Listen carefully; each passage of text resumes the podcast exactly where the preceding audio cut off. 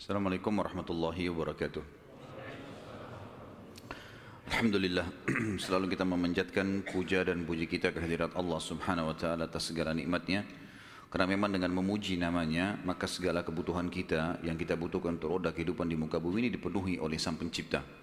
Dan juga kita panjatkan salam hormat kita, salawat dan taslim kepada Nabi besar Muhammad sallallahu alaihi wasallam sebagai bentuk kepatuhan kita kepada Allah yang maha tinggi dan maha pemurah karena ia telah menjadikannya ibadah untuk kita semua.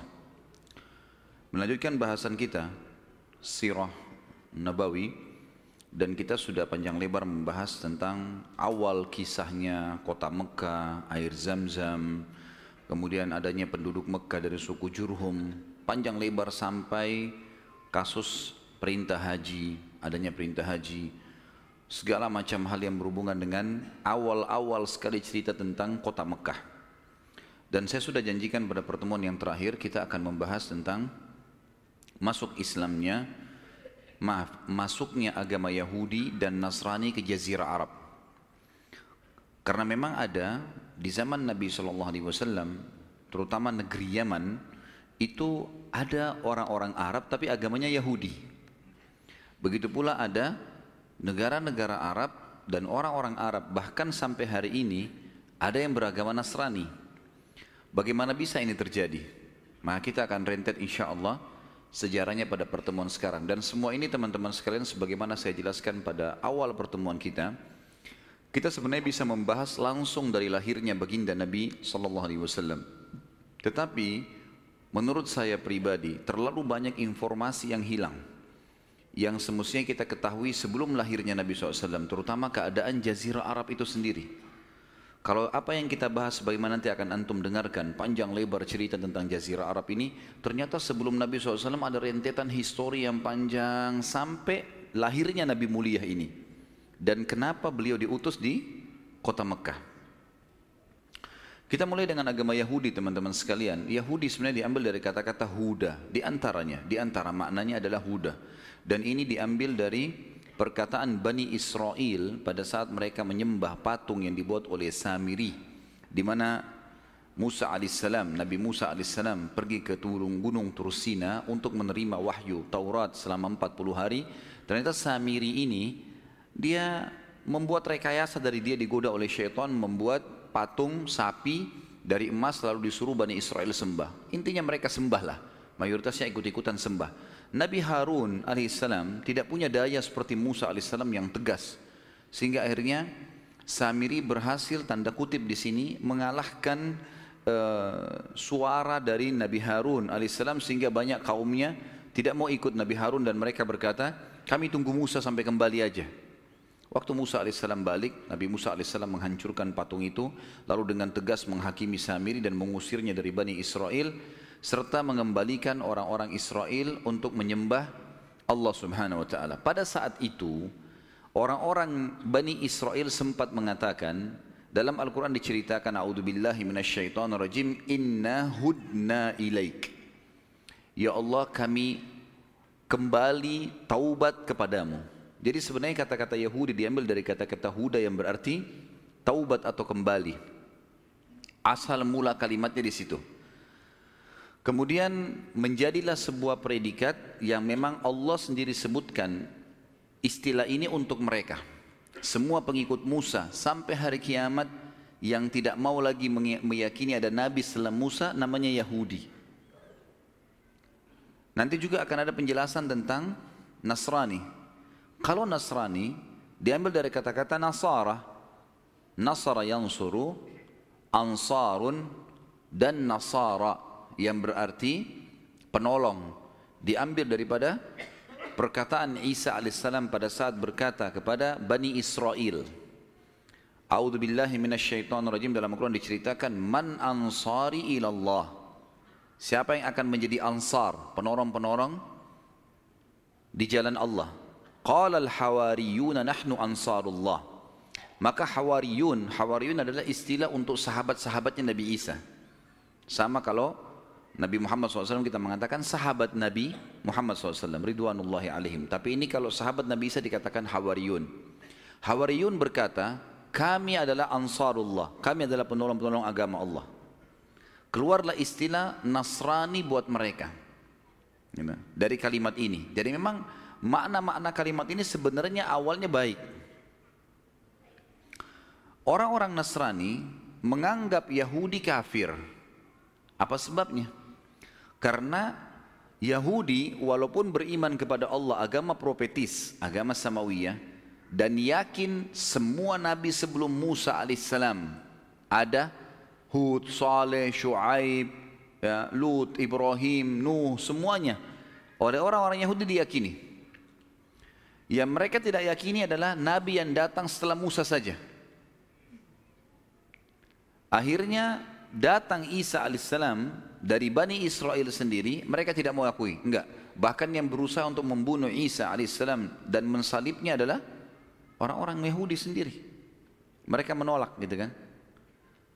Oleh karena itu, karena masih ada nabi dan rasul yang Allah utus yang mereka tidak yakini, dicap mereka kafir. Karena beriman kepada Allah harus totalitas. Nggak bisa setengah-setengah. Keseluruhannya. Kita yakini semua apa yang diperintahkan oleh Allah, maka pasti kita akan dikatakan beriman. Makanya Allah menghardik Bani Israel yang Allah mengatakan, A'udzubillahi minasyaitonirrajim, afatu'minuna bi ba'dil kitabi wa takfuruna bi ba'd. Apakah kalian beriman dengan sebagian isi Alkitab dan kalian ya, ya, pungkiri sebagian yang lain? Apa yang cocok diimani, apa yang tidak cocok ditinggalkan? Sampai para ulama tafsir menekankan mengatakan siapa pun di antara kaum muslimin yang coba memilah-milah hukum Allah mereka sama dengan Yahudi dan Nasrani. Dan Allah mencap mereka kafir gara-gara itu, gitu kan. Berjalan waktu datang Nabi Muhammad SAW ternyata dan Nasrani ini diberikan predikat untuk semua orang yang mengaku pengikut Isa alaihissalam sampai hari kiamat dan tidak mau mengimani risalahnya Nabi Muhammad SAW. Nasrani meyakini semua nabi dari Isa ke atas Musa, Daud, semuanya sampai Nabi Adam. Tapi mereka tidak mengimani risalah Nabi Muhammad SAW. Kasuistiknya secara histori berarti, kenapa sekarang umat Islam mengatakan Nasrani kafir? Sama dengan kenapa Nasrani mengatakan Yahudi kafir. Sama persis. Karena mereka masih menolak ada Rasul dan Nabi yang terakhir. Itulah Nabi Muhammad alaihi salatu wassalam. Jelas sampai sini?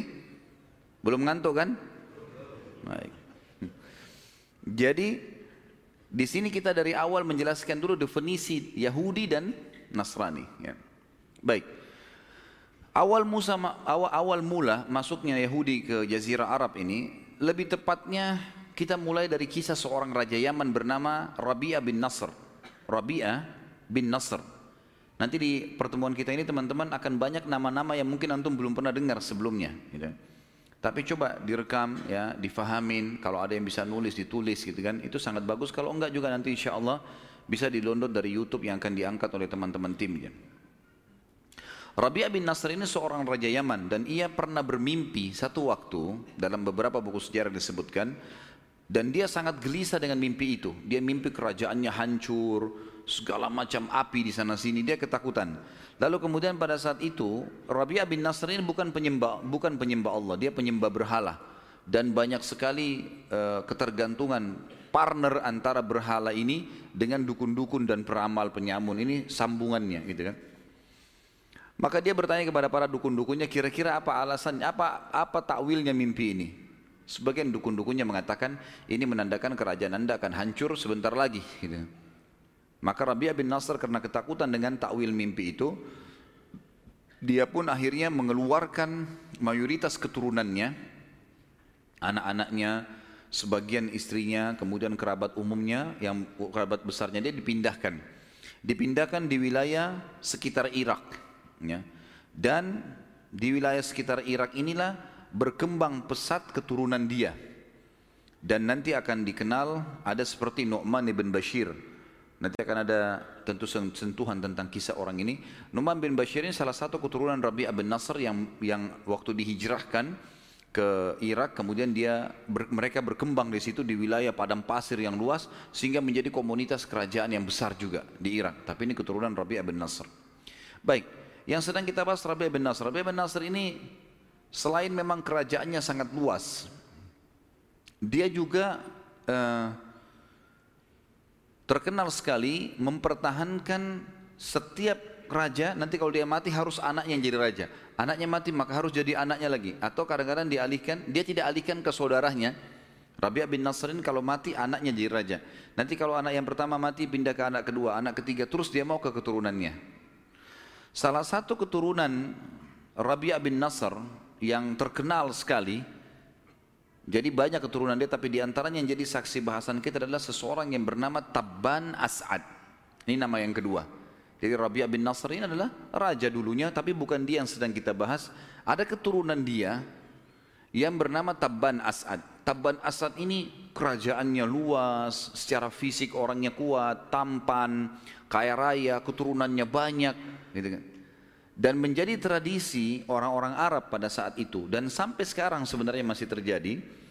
Kalau ada seseorang memiliki kelebihan fisik, keturunannya banyak, orangnya pintar, kaya raya, Pokoknya berkumpul pada dia kelebihan-kelebihan duniawi ini, maka dia boleh membuat suku sendiri atas namanya dia.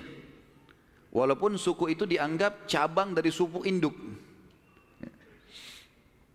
Salah satunya adalah Taban As'ad ini.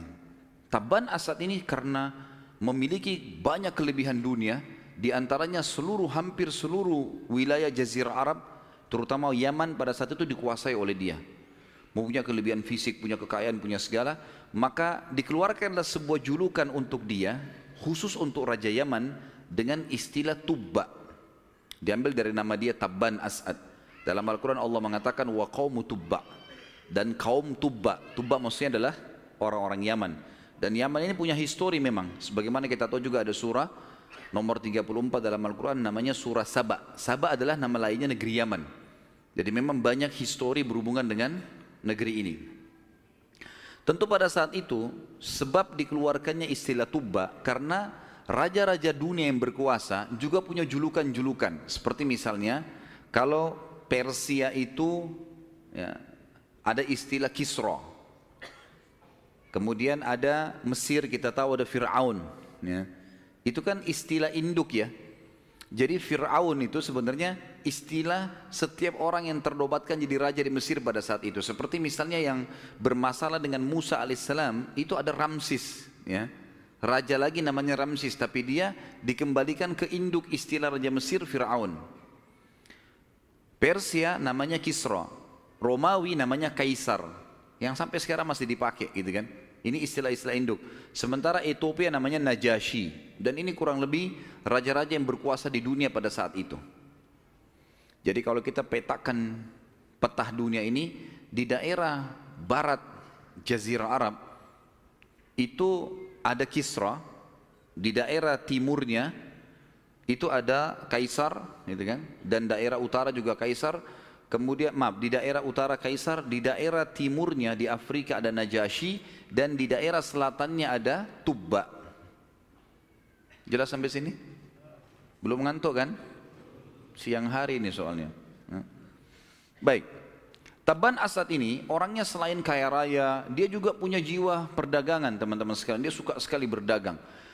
Pada saat dia berdagang, kalau dia datang, dia selalu mengadakan rekreasi, jalan, dan setiap kali dia pergi dia selalu melihat potensi apa ada yang di wilayah itu kemudian dikelola sama dia menjadi bisnisnya.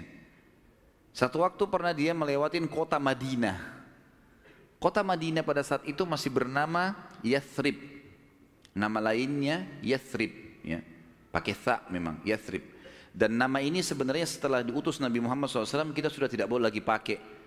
Di dalam banyak hadis Nabi SAW melarang kita memanggil Madinah dengan Yathrib. Tapi belum menggantinya dengan Al-Madinah Al-Munawwarah atau Tayyibah atau Tabah gitu kan. Jadi memang diberikan nama atau diganti nama.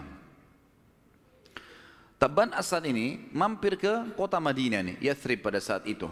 Kemudian karena dia lihat Yathrib ini hidup karena di situ perkebunan kurma banyak dan banyak orang yang datang khusus untuk membeli kurma ke Madinah dari dulu terkenal. Maka dia pun menitipkan anaknya laki-laki, anak pertamanya untuk memegang bisnis itu. Dikasih modal sama dia, kemudian mulailah dia mengambil kurma-kurma dari Madinah, kemudian dikirim ke Yaman, dikirim ke mana-mana lah wilayah kekuasaannya Tabban Asad ini. Ternyata anaknya Tabban Asad ini berselisih dengan beberapa orang masyarakat Madinah, akhirnya cekcok ribut terbunuh anaknya Tabban Asad. Perang, berantem, mati.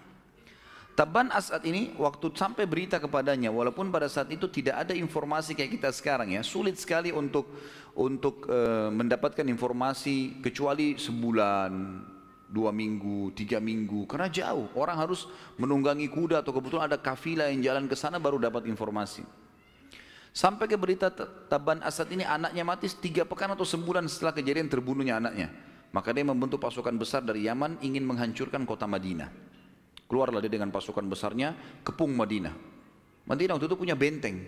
Sampai di zaman Nabi SAW memang sudah punya benteng itu. Tembok yang tinggi ada pintu gerbangnya.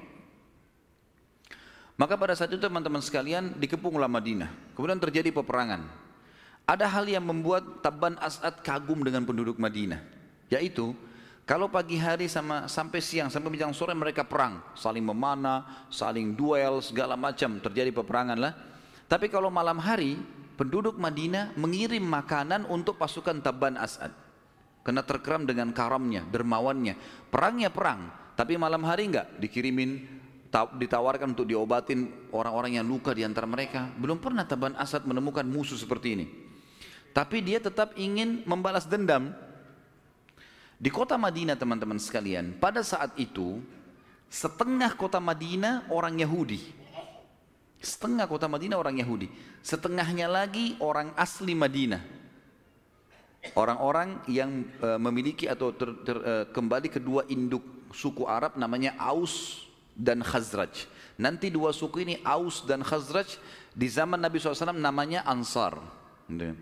Namanya Ansar. Mereka masuk Islam. Jadi terbagi dua Madinah. Setengahnya Yahudi, setengahnya dua suku Arab ini. Orang-orang Yahudi supaya merasa aman maka mereka membuat Aus dan Khazraj ini perang terus. Jadi untuk ribut terjadi fitnah di biaya yang ini, di biaya yang itu. Jadi terus ribut nih dua suku ini.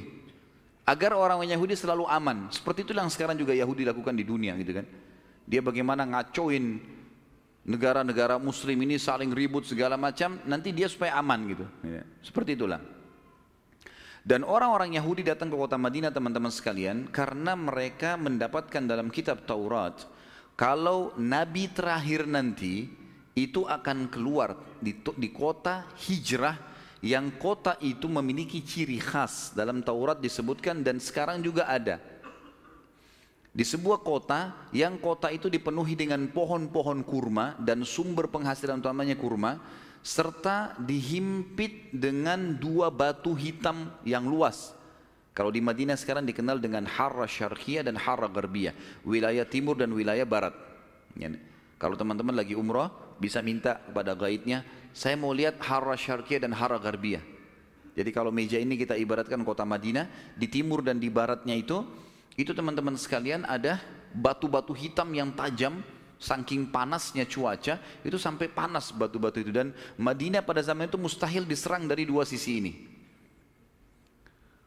Wilayah utaranya eh, Madinah itu penuh dengan pohon-pohon kurma. Di daerah daerah Uhud, ya Gunung Uhud ke atas itu penuh dengan pohon-pohon kurma, gitu ya. Jadi pintu gerbang Madinah adanya di selatannya. Makanya nanti kalau kita bahas perang Khandak, perang Parit, itu Parit dibuat oleh Nabi SAW di daerah selatannya kota Madinah. Sehingga cuma dari situ saja tidak bisa diserang. Kalau timur dan barat sulit diserang oleh pasukan kuda karena penuh dengan batu-batu hitam yang tajam dan juga di daerah utara penuh dengan pohon-pohon kurma yang lebat. Orang-orang Yahudi hijrah ke Madinah gara-gara itu. Dan selalu saja orang Yahudi berkata kepada Aus dan Khazraj, dua suku yang nanti jadi Ansar setelah masuk Islam, berkata nanti akan keluar nabi terakhir di kota ini dan kami akan menjadi pengikut utama pengikutnya yang setia dan kami akan memerangi kalian hai Aus dan Khazraj sebagaimana kaum uh, Ad dan Iram. Ada dua dulu kaum Ad dan Iram ini mereka berperang sampai banyak sekali korbannya. Kami akan memerangi kalian sampai seperti itu karena kami sedang menunggu nabi terakhir itu keluar. Ini sebabnya kenapa Yahudi ada di kota Madinah Waktu Taban As'ad mengepung kota Madinah dan sudah kurang lebih berjalan 40 hari belum bisa menembus kota Madinah. Keluarlah dua pendeta Yahudi dari Madinah. Keluar kemudian minta izin ketemu, ketemulah. Lalu keduanya bertanya kepada Taban As'ad, wahai raja, apa yang anda inginkan di kota ini? Ya kami mau saya mau menghancurkan kota ini, membalas dendam anak saya dibunuh kenapa? Gitu kan. Kata dua-duanya, Anda tidak akan mampu. Seberapa lama pun Anda mengepung kota ini tidak akan mampu. Kata Taban Asad, kenapa? Ditanya, karena ini adalah mahjarun Nabi. Ini adalah tempat hijrahnya Nabi terakhir. Dari mana kalian tahu itu? Dari kitab kami Taurat. Inilah Taurat. Mulailah mereka menceritakan tentang agama Yahudi. Gara-gara cerita demi cerita dan waktu itu Taban Asad ini penyembah berhala, ngikutin kakeknya tadi Rabi'ah bin Nasr, gitu kan. Maka akhirnya masuk Yahudi Taban Asad. Si Raja Yaman ini masuk Yahudi. Setelah masuk agama Yahudi, dia berkata, Wahai kepada pendeta dua orang, tadi disebutkan namanya dua pendeta ini, kalian berdua bisa nggak ikut ke Yaman? supaya kalian mengajak masyarakatku pindah daripada mereka sembah api, sembah berhala, lebih baik beriman kepada Allah ini sebagaimana kalian jelaskan kepada saya. Kata dua pendeta itu tentu saja, nggak ada masalah. Kami akan ikut bersama anda. Dan ini teman-teman sekalian membuktikan memang orang-orang Yahudi sangat mengetahui tentang kebenaran risalah Nabi Muhammad SAW sampai mereka hijrah ke kota Madinah sebelum Nabi SAW lahir. Ini cerita sebelum Nabi lahir ya. Ini cerita ini masih jauh. Nanti akan kita bahas insya Allah bagaimana lahirnya Nabi SAW. Dan Allah menceritakan tentang orang-orang Yahudi ini sebenarnya dalam surah Ash-Shu'ara. Surah nomor 26 ayat 197. A'udhu billahi minasyaitan rajim. Awalam yakun lahum ayatan ay ya'lamhu ulama'u bani Israel. Apakah tidak cukup menjadi bukti untuk mereka bahwa para ulama Bani Israel bisa mengetahui tentang Muhammad sallallahu alaihi wasallam? Juga dalam surah Al-A'raf, surah nomor 7 ayat 157, Allah subhanahu wa ta'ala berfirman menjelaskan dan memastikan di dalam Taurat dan Injil memang sudah ada nama Nabi Muhammad sallallahu alaihi wasallam.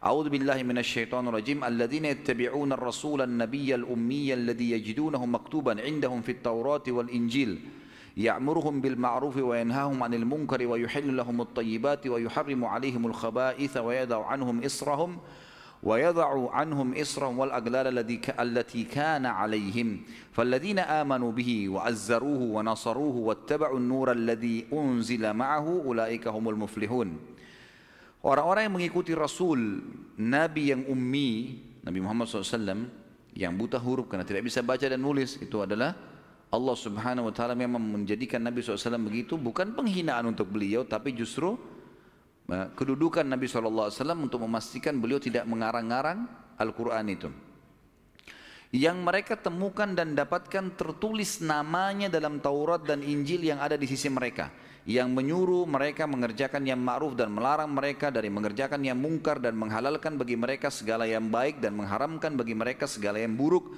dan membuang dari mereka beban-beban dan belenggu-belenggu yang ada pada mereka. Jadi di Taurat dan Injil itu ada hukum-hukum yang memang berat ya. Seperti misalnya Orang-orang Yahudi di zaman di dalam syariat Musa alaihissalam kalau mereka berbuat dosa besar, berzina kah, riba kah, dosa-dosa besar, kalau mau taubat harus bunuh diri. Hukumnya waktu itu seperti itu. Ya, sebagaimana Musa mengatakan faktulu amfusakum. Kalau mau taubat ada orang datang dalam Al-Quran diceritakan Musa alaihissalam mengatakan kalau begitu bunuh diri kalian sebagai bentuk taubat kepada Allah. Ini belenggu. Datangnya Nabi Muhammad SAW menghilangkan itu.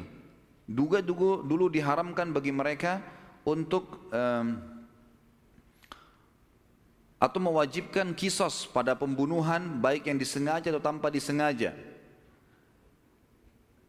Tanpa membolehkan membolehkan membayar dia. Memotong anggota badan yang melakukan kesalahan. Itu juga syariat. Tangannya salah tangannya dipotong.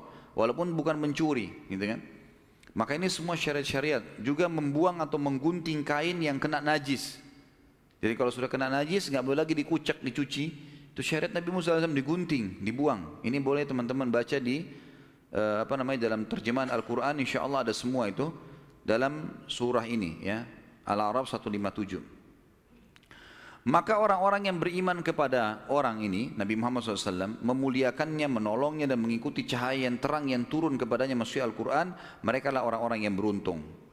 Baik ini sedikit saja selipan tentang masalah orang-orang Yahudi sebenarnya mereka sudah mengenal Nabi Muhammad SAW. Tapi kita sedang bicara bagaimana Jazirah Arab masuk ke agama Yahudi. Taban As'ad kemudian mengajak ya, kedua pendeta Yahudi untuk pergi ke Yaman. Saya ibaratkan tadi, kalau uh, kembali lagi misalnya layar laptop saya ini uh, Jazirah Arab. Kalau Jazirah Arab di daerah atasnya ini kita katakan utara negeri Syam. Di daerah timurnya ada Afrika, di daerah baratnya ada eh, maaf di daerah timur ada iya timur ada Afrika, di daerah barat ada Persia. Di daerah selatannya ada Yaman, gitu kan. Pada saat itu Taban As'ad di tengah-tengah, di tengah-tengah Jazirah Arab ini ada Madinah, Mekah, baru kemudian Yaman, gitu kan. Jadi kalau antum dari Indonesia mau menuju ke Madinah, kalau pesawatnya langsung ke Madinah itu kita secara jalur peta sebenarnya sedang melewatin kota Mekah, sekitar kota Mekah. Di atas Mekah memang nggak bisa gitu kan. Dilarang penerbangan tidak boleh di kota Mekah supaya tidak mengganggu orang beribadah. Tapi yang jelas jalan. Jadi Madinah itu Madinah di atasnya Mekah. Taban As'ad pulang dari Madinah mau kembali ke Yaman dia lewatin Mekah. Ada satu suku namanya suku Huzail. Suku Huzair ini teman-teman sekalian, mereka tidak suka penduduk Mekah, mereka tidak suka juga penduduk Yaman. Lalu mereka datang pimpinan-pimpinannya kepada Taban Asad lalu berkata, wahai raja, mau nggak anda mendapatkan harta yang banyak tanpa ada perlawanan? Kata Taban Asad, tentu saja. Di mana saya bisa dapatkan? Kata mereka, di dalam kota ini, tadinya pasukannya itu istirahat di pinggiran kota Mekah, nggak niat mau masuk ke Mekah, di pinggiran kota Mekah. Lalu mereka berkata, di dalam kota ini ada satu rumah yang diagungkan oleh masyarakatnya, maksudnya Ka'bah. Dan di dalam Ka'bah itu, di dalam tempat itu ada banyak emas. Memang pada zaman itu teman-teman sekalian, saking orang-orang menghormati e, Ka'bah itu sampai mereka banyak menanam emas di situ. Dikali, ditanam, ditaruh di sekitarnya, ditaruh di dalamnya. Dan itu kalau sudah ditaruh di Ka'bah tidak boleh ada yang ambil. Dianggap itu adalah sesuatu yang sudah diberikan untuk Ka'bah. Maka Taban Asad mengatakan tentu saja. Lalu kemudian dia kirim beberapa mata-mata keliling Mekah. Memang Mekah ini kota yang kecil. Memang di situ ada rumah yang betul ditawafin, dilihat, dimuliakan oleh orang dan memang kelihatan banyak emas-emas gitu. Maka setelah melihat keadaan kota kayaknya nggak ada pasukan besarnya nih. Taban Asad tiba-tiba menyuruh pasukannya siap semua kita serang kota ini. Ambil nih hartanya semuanya. Karena dia tadinya penyembah api, penyembah berhala. Dia nggak tahu tuh Ka'bah apa, dia nggak tahu kota Mekah ini. Begitu pasukan sudah siap semua, dua pendeta Yahudi ini lihat pikirnya mau jalan ke Yaman. Tapi kok pada siapin pedang, pada siapin busur panah, beda. Bukan seperti orang mau pulang, tapi orang kayak mau berperang. Mereka tanya kepada Taban Asad, ada apa? Dia bilang, saya mau masuk ke kota ini. Di kota ini informasinya ada sebuah rumah yang di yang dikultuskan oleh uh, masyarakatnya dan di sana ada banyak emas. Saya mau ambil, saya mau rebut. Kata dua pendeta Yahudi ini, demi Allah, sesungguhnya anda, anda telah ditipu oleh suku Huzail. Yang menyampaikan kepada anda ini siapa? Suku Huzail bukan? Iya, suku Huzail. Suku Huzail ini tinggal di dekat kota Mekah. Suku Huzail itu tidak suka sama penduduk Mekah, tidak suka sama penduduk Yaman. Dia, mereka tidak suka anda. Kami demi Allah tidak tahu ada rumah Allah di muka bumi. Ini pernyataan orang Yahudi ya. Kami demi Allah tidak tahu ada rumah Allah di muka bumi kecuali ini. Cuma ini saja rumahnya Allah. Kalau anda datang akan menyerang, maka anda akan dihancurkan oleh Allah. Enggak mungkin terjadi. Lalu apa saran kalian? Saran kami, anda masuk, anda tawaf di situ, kemudian agungkan dia. Baiklah, kata Taban As'ad, kalian ikut dengan saya. Kata dua pendeta kami enggak ikut. Kenapa enggak ikut? Kan kau yang perintahkan, kalian yang perintahkan. Kata dua pendeta ini, kami pendeta Yahudi. Tidak layak kami tawaf di Ka'bah selama masih ada berhala yang diletakkan oleh kaumnya.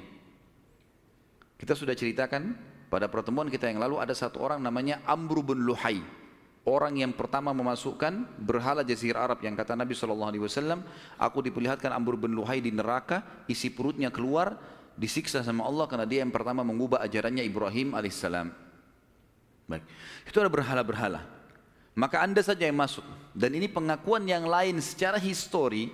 Orang-orang Yahudi tahu kalau Ka'bah rumahnya Allah.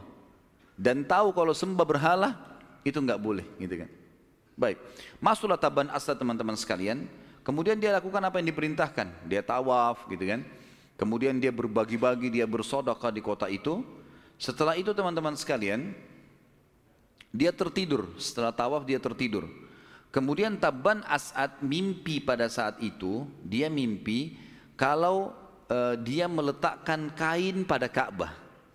Yang kita namakan sekarang kiswah. Gitu kan. Jadi awal histori kiswah dari manusia ini, dari Taban As'ad ini. Dulunya cuma batu saja. Taban As'ad bangun, lalu dia, karena dia raja, orang-orang Mekah juga tahu kalau dia ini raja Yaman. Kemudian dia menyumbanglah, dibuat kain yang bagus, di, dikemaslah Ka'bah itu.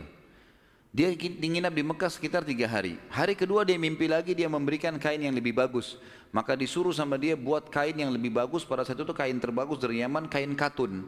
Dibuatlah kain katun menjadi kiswahnya Ka'bah. Yang didobel. Kemarin kainnya biasa sekarang kain yang lebih bagus. Gitu. Setelah itu kemudian dia meninggalkan kota Mekah. Waktu dia tinggalkan kota Mekah teman-teman sekalian menuju ke Yaman dan tiba di Yaman. Dia mulai mengumpulkan para pendeta-pendeta Yaman. Di sini pendeta dalam arti kata memang e, tokoh-tokoh masyarakat mereka yang menyembah berhala dan menyembah api. Jadi antara berhala sama api ini mereka membagi di Yaman itu sehari sembah api, sehari sembah berhala. Dan mereka punya satu tempat api yang besar sekali di Yaman. Pada saat itu digambarkan kalau apinya, kalau pintunya dibuka di dalam ruangan itu ada api, kalau dibuka apinya tuh nyembur keluar sampai sangat jauh, gitu kan. Setiap hari mereka selalu membakarnya ya terus gitu. E, menambah bahan bakar maksudnya dari kayu-kayu, dari batu dan seterusnya. Maka Taban Asad memanggil para pemimpin-pemimpin tokoh masyarakat sampaikan ini loh agama yang saya baru anut begini, begitu, begini segala macam. Pendeta ini disuruh ngomong. Ternyata mereka nolak. Mereka nggak mau, enggak kami nggak akan tinggalkan sembah berhala dan api ini. Ini sudah kami yakini sebagai Tuhan. Musyawarah lah banasa sama dua pendeta ini apa yang kita harus lakukan? Baik, coba dakwahin mereka yang mau masuk ke agama ini sudah berikan hadiah dan seterusnya. Setelah diskusi lagi, ternyata orang-orang masyarakat mereka ada yang memberikan masukan kepada Taban. Caranya begini saja, kita kan punya api nih.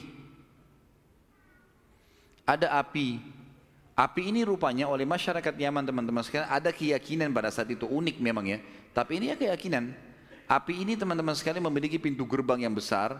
Kalau ada dua orang yang bertikai dan tidak ditemukan titik temunya, dua-duanya ngotot, maka dua-duanya diberdirikan di depan pintu gerbang itu. Pintu gerbangnya dibuka, siapa yang pertama dilahap oleh api, dia berarti yang salah. Keyakinan pada saat itu, begitu keyakinan mereka. Maka sebagian masyarakat bilang begini saja. Raja Taban As'ad. Sekarang berdirikan pendeta anda ini, orang Yahudi ini, dengan orang-orang ini. Ya Pimpinan-pimpinan kami. Di depan api. Siapa yang dilahap api, dia yang salah. Taban Asad musyawarah sama dua pendeta. Bagaimana sekarang ini? Maka mereka mengatakan lakukan saja. Kami akan berdoa kepada Allah, mudah-mudahan Allah bisa berikan pertolongan gitu. Baiklah. Diberdirikanlah pimpinan-pimpinan penyembah berhala dan api ini dengan dua pendeta Yahudi ini. Begitu dibuka pintu, dengan hikmah Allah, api menyambar pendeta-pendetanya mereka nih. Maksudnya kepala-kepala pimpinan penyembah api ini. Lalu mereka sempat lari. Masyarakat menahan mereka. Kenapa lari? Kita mau tahu benar atau salah nih. Kembali lagi. Begitu kembali lagi, dibuka lagi pintu, di, diserang oleh api. Ternyata mereka yang diserang oleh api itu, dilahap oleh api. Gara-gara kejadian itu, satu negeri Yaman masuk agama Yahudi. Gara-gara kejadian itu, semuanya akhirnya masuk ke agama Yahudi. Dan ini awal cikal bakalnya agama Yahudi yang ada di negeri Yaman. Baik, berjalan waktu teman-teman sekalian, Taban As'ad ini meninggal dunia dan datang anaknya bernama Hassan. Tentu histori masuk agama Yahudi ke Yaman seperti anggaplah sudah selesai, clear sampai situ tadi. Tapi kita melanjutkan kisah Yaman dulu. Waktu Taban Asad meninggal, ada anaknya namanya Hasan. Hasan ini orangnya dalam buku-buku sejarah dikatakan orang yang punya percaya diri yang sangat tinggi. Pada saat dia hari pertama jadi raja, sudah dinobatkan segala macam, ya, maka dia berkata, saya ingin menaklukkan dunia, kata si Hasan, anaknya Taban Asad. Maka orang-orang bilang, bagaimana caranya? Negara mana yang mau ditaklukkan? Dunia ini luas. Dan pada saat itu ada Najasyi di Eropa, eh, di, di Afrika, ada Fir'aun di Mesir, gitu kan. Kemudian ada, maksudnya istilah-istilah raja kan tadi, ada Kaisar di Romawi, dan ada juga ada Kisra di Persia. Di antara empat pemimpin dunia ini dan ada Tub, Tubbah, Tabban, As'ad tadi di Yaman. Tapi Tabban ini kerajaan yang paling kecil dibandingkan empat yang lainnya. Dan di antara empat ini yang paling besar dan kuat waktu itu Kisra, Persia. Ini juga sama penyembah api gitu kan. Kata Hasan kepada para penasihatnya, siapa negara yang paling kuat di antara empat itu? Kata mereka, Persia. Dia bilang, saya akan mulai menyerang Persia. Padahal pasukannya tidak besar. Tapi karena raja orang semua pada ikut. Di tengah jalan teman-teman sekalian, banyak penasihat-penasihatnya, pimpinan-pimpinan pasukannya tidak setuju dengan ini. Ini gimana caranya kalau kita ikut sama orang ini terus kejar Persia? Artinya Yaman pada saat itu dibandingkan Persia. Persia itu teman-teman masuk Irak, Iran, Rusia, seluruh Rusia, sebagian besar wilayah India. Sementara Yaman satu negeri sampai sekarang masih dikatakan Yaman kecil. Artinya cuma paling 10% dari wilayah Persia. Bahkan lebih sedikit dari itu, mungkin cuma 7 persenan gitu. Jadi kecil sekali. Pasukannya kecil, mau lawan Persia nggak mungkin. Di tengah jalan mereka penasaran, ini gimana caranya memberhentikan Raja Hasan ini. Hasan ini ngotot, percaya dirinya luar biasa gitu. Padahal mereka ini uh, pada saat itu jumlahnya sedikit. Ini bukan karena mau menyebarkan agama Yahudi ya, bukan karena dia mau sebarin agama, bukan. Memang cuma mau luaskan wilayah saja, nggak bawa-bawa nama agama nih. Maka beberapa penasihat berbicara dengan adiknya Hasan bernama Amr. Ya. Amr ini didatangi oleh beberapa penasihat mengatakan, wahai Amr, bicaralah sama saudaramu ini. Siapa tahu bisa, karena Hasan ini punya kemah, nggak boleh sembarangan orang masuk. Penasihat-penasihatnya pun kalau mau masuk dicek semua badannya, dikeluarin semua senjata-senjatanya, baru boleh masuk. Gitu. Kecuali Amr, Amr ini boleh keluar masuk karena adik kandungnya dan dipercaya oleh si Hasan. Masuklah Amr dinasihatinlah kakaknya, nggak mau tahu, nggak, nggak usah ikut campur, ini urusan saya. Lapor kepada para penasihat, ini gimana nih? Kata kakak saya begini, baik Amr, kalau kamu mau bunuh kakakmu itu, Hasan ini bunuh. Kalau kamu bunuh, kami nobatkan kamu menjadi raja setelahnya. Rupanya Amr ini mau, karena dia tamak. Otomatis nggak usah tunggu kakaknya mati baru jadi raja, sekarang bunuh selesai. Maka dia masuk ke kemah kakaknya, setelah dia merasa di waktu-waktu seperti malam, waktu aman, dia membunuh kakaknya. Ini cerita Hasan mati dan Amr menjadi raja Yaman pada saat itu. Amr ini setelah membunuh kakaknya teman-teman sekalian, ini historinya begitu ya. Setelah membunuh kakaknya, dia merasa gelisah, nggak bisa tidur, bingung dia. Ada masalah apa sebenarnya? Sampai berobat sana sini nggak bisa sembuh.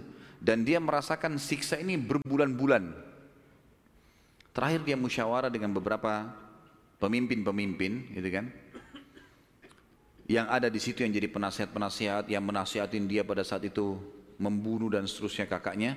Apa masalah saya ini? Mereka bilang kami nggak tahu. Perlu kita garis bawahi, ini historinya begitu ya. Bagi saya senang cerita historinya. Waktu dia mau membunuh Hasan, banyak penasihat yang menyetujui itu kecuali satu orang. Ada satu orang namanya Zuru'ain. Zuru'ain ini nggak setuju. Dia bilang, hai Amr, jangan bunuh kakakmu. Tidak ada orang yang bunuh saudaranya kecuali akan sumpek seumur hidupnya. Nggak bisa. Dia bilang enggak, tapi saya mau jadi raja. Maka Zuru'ain sempat meninggalkan satu kertas dari kulit surat. Dia bilang peganglah ini, satu waktu kalau dibutuhkan tolong baca di hadapan saya. Kata Amr baiklah. Ringkas cerita dibunuh sama dia kakaknya tadi jadi raja. Sumpek berbulan-bulan, ada tidak bisa tidur, nggak bisa makan. Akhirnya dia musyawarah dengan beberapa orang yang lain selain penasihat-penasihatnya. Mereka bilang, Hai Amr, Raja Amr, kalau anda mau hilang dari penyakit ini, caranya cuma satu.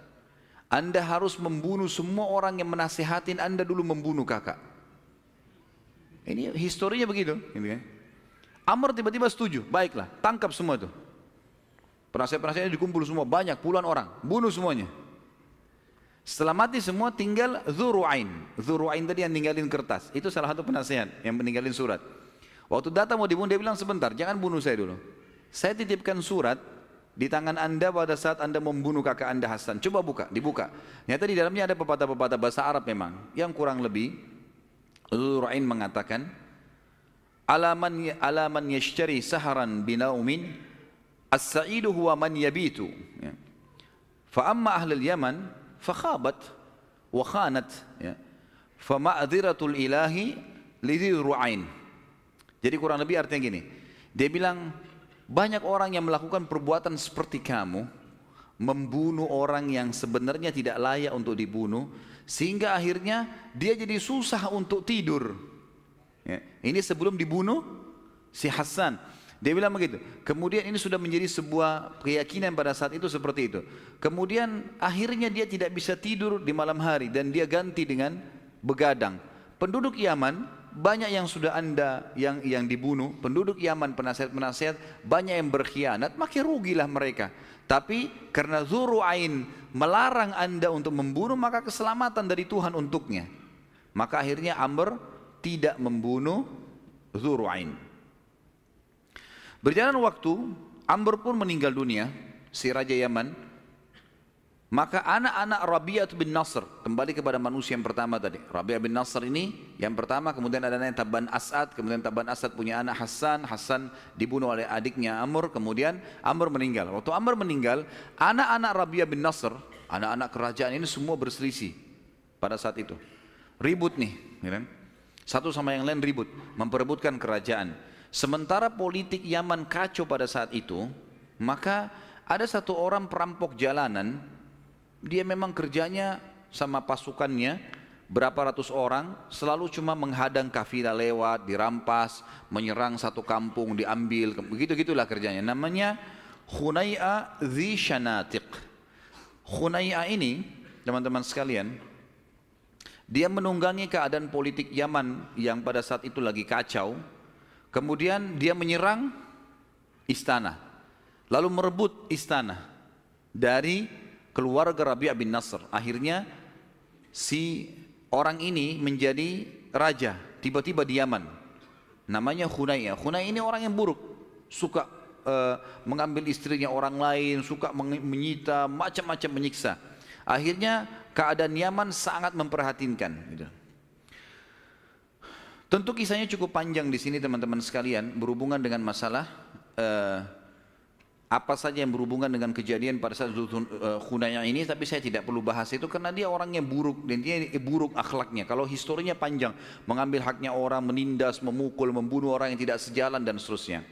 Akhirnya karena kondisi Yaman pada saat itu tidak nyaman kurang lebih berjalan sekitar dua tahun kepemimpinannya ada satu turunan Rabi'ah bin Nasr namanya Zunuwas Zunuwas ini dia yang naik ke istana malam hari Kemudian dia mengambil pisau dan dia membunuh si Khunai'a. Waktu Khunai'a mati, si perampok jalanan yang merebut tiba-tiba kerajaan tadi, maka Zunuwas menjadi raja. Kembali lagi kerajaan kepada anaknya Rabi'ah bin Nasr. Kurang lebih ini sampai di sini kisah tentang masuknya Yahudi ke Jazirah Arab dan sedikit rentetan tentang keadaan Yaman. Pegangi nama sekarang Zunuwas. Siapa Zunuwas tadi ini? Hah? Salah satu keturunan Nabi bin Nasr yang membunuh Khunai'ah. Jelas sampai sini ya? Hah? Gak ada suara, senyap. Baiklah. Kita sekarang masuk teman-teman sekalian masuknya Nasrani ke Jazirah Arab. Sejarahnya bersambung ya. Cuman saya buatkan subjudul. Baik, pada saat itu teman-teman sekalian, Zunuwas menjadi Raja Yaman. Pegangi dulu ini ya. Ini sudah inti bah nanti jadi inti bahasan kita ini. Sekarang kita bicara tentang Nasrani bagaimana masuk ke Jazirah Arab. Di salah satu uh, Jazirah Arab, di sudut, bukan Jazirah Arab sebenarnya, lebih tepatnya sebenarnya di negeri Syam, negeri Kaisar, Romawi. Memang Nasrani kan? Ada satu pendeta dalam beberapa buku sejarah disebutkan namanya Finion. Finion ini berangkat dari uh, negeri Syam, dia dengar di Yaman ini dikuasai oleh orang-orang Yahudi. Dan orang-orang Yahudi adalah orang yang lebih pantas untuk menganut Nasrani pada saat itu karena mereka sudah tahu. Mereka sudah punya kitab Taurat. Dia mau niatnya ke Yaman untuk berdakwah. Dia mau dakwakan agama Nasrani ini.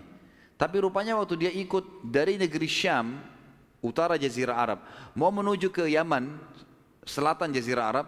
Di tengah jalan kafilah dia yang dia sedang jalan sama-sama itu diserang oleh perampok sehingga membuat si Femion ini ditawan. Lalu dijadikan budak, diperjualbelikan di Afrika.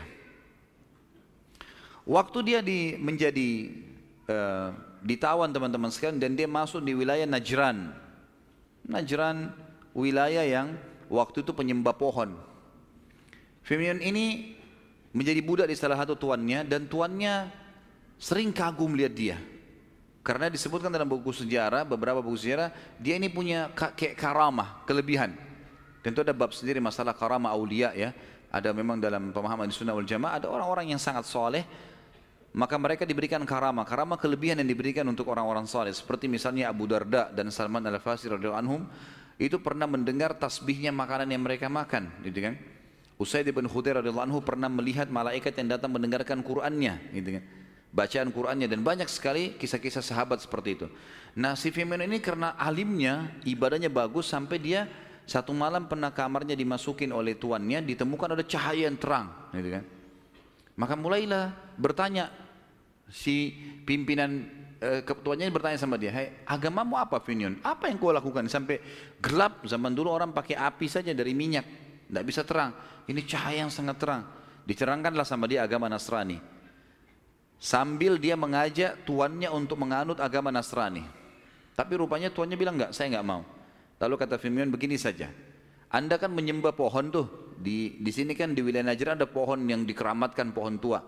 Bagaimana kalau Tuhanku Allah menghancurkan Tuhan Anda? Kalah tuh nanti pohon tuh yang disembah.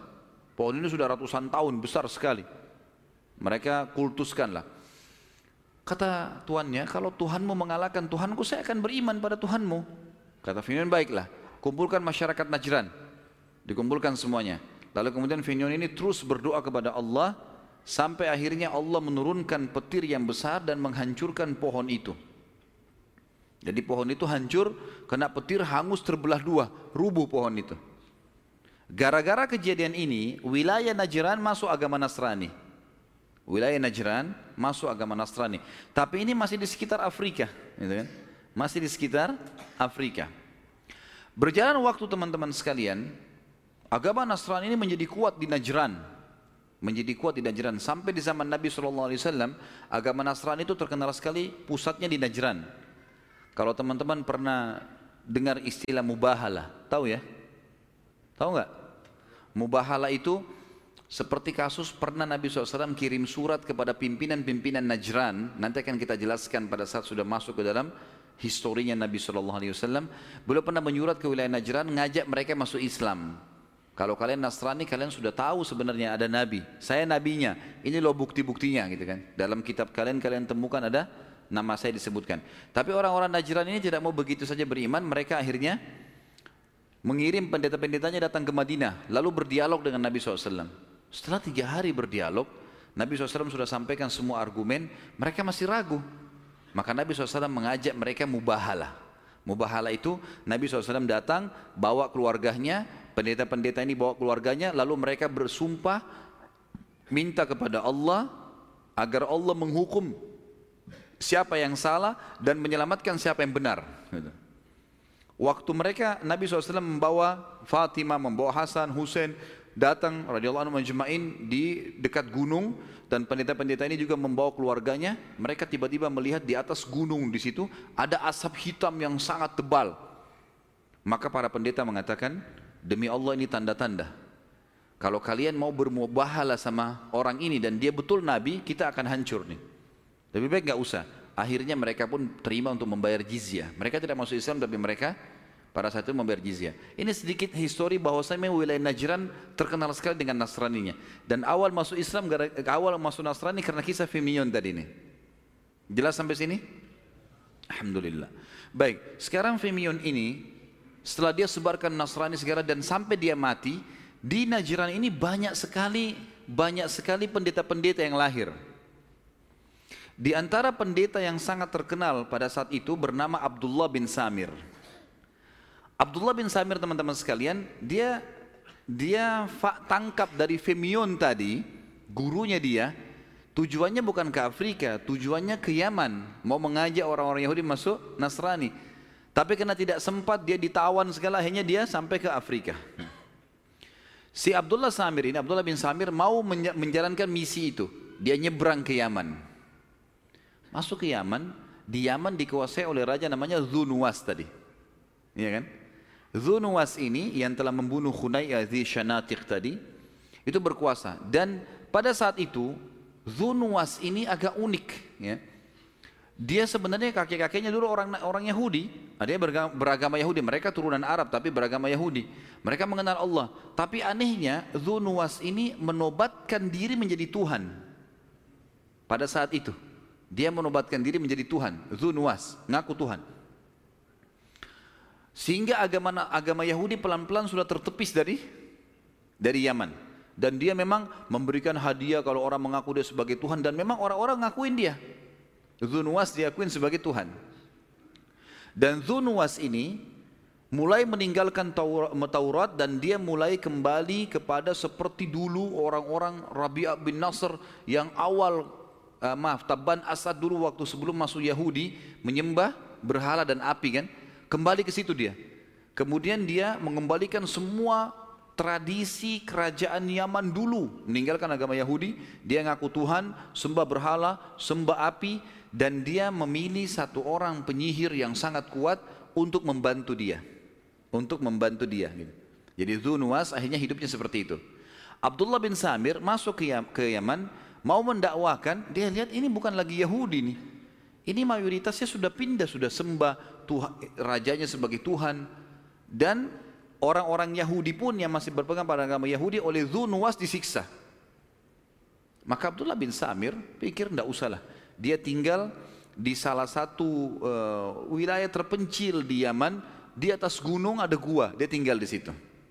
Ada beberapa riwayat yang menjelaskan kalau Abdullah bin Samir ini sebenarnya masuk ke Yaman, tapi ini histori saya tidak temukan secara jelas di dalam buku-buku sejarah, cuma disebutkan dalam beberapa referensi saja ya.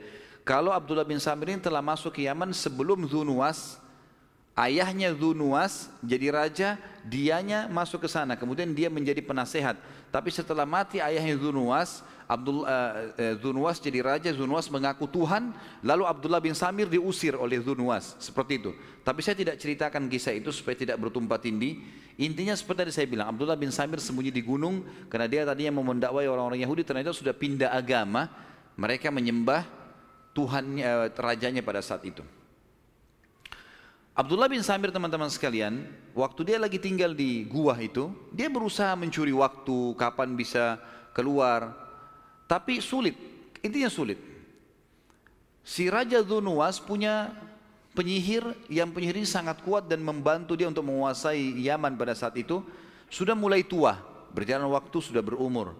Lalu dia bilang kepada Zunuwas wahai raja umur saya sudah pendek ini. Saya katanya mau mati. Sekarang coba datangkan kepada saya anak-anak muda pilihan dari Yaman.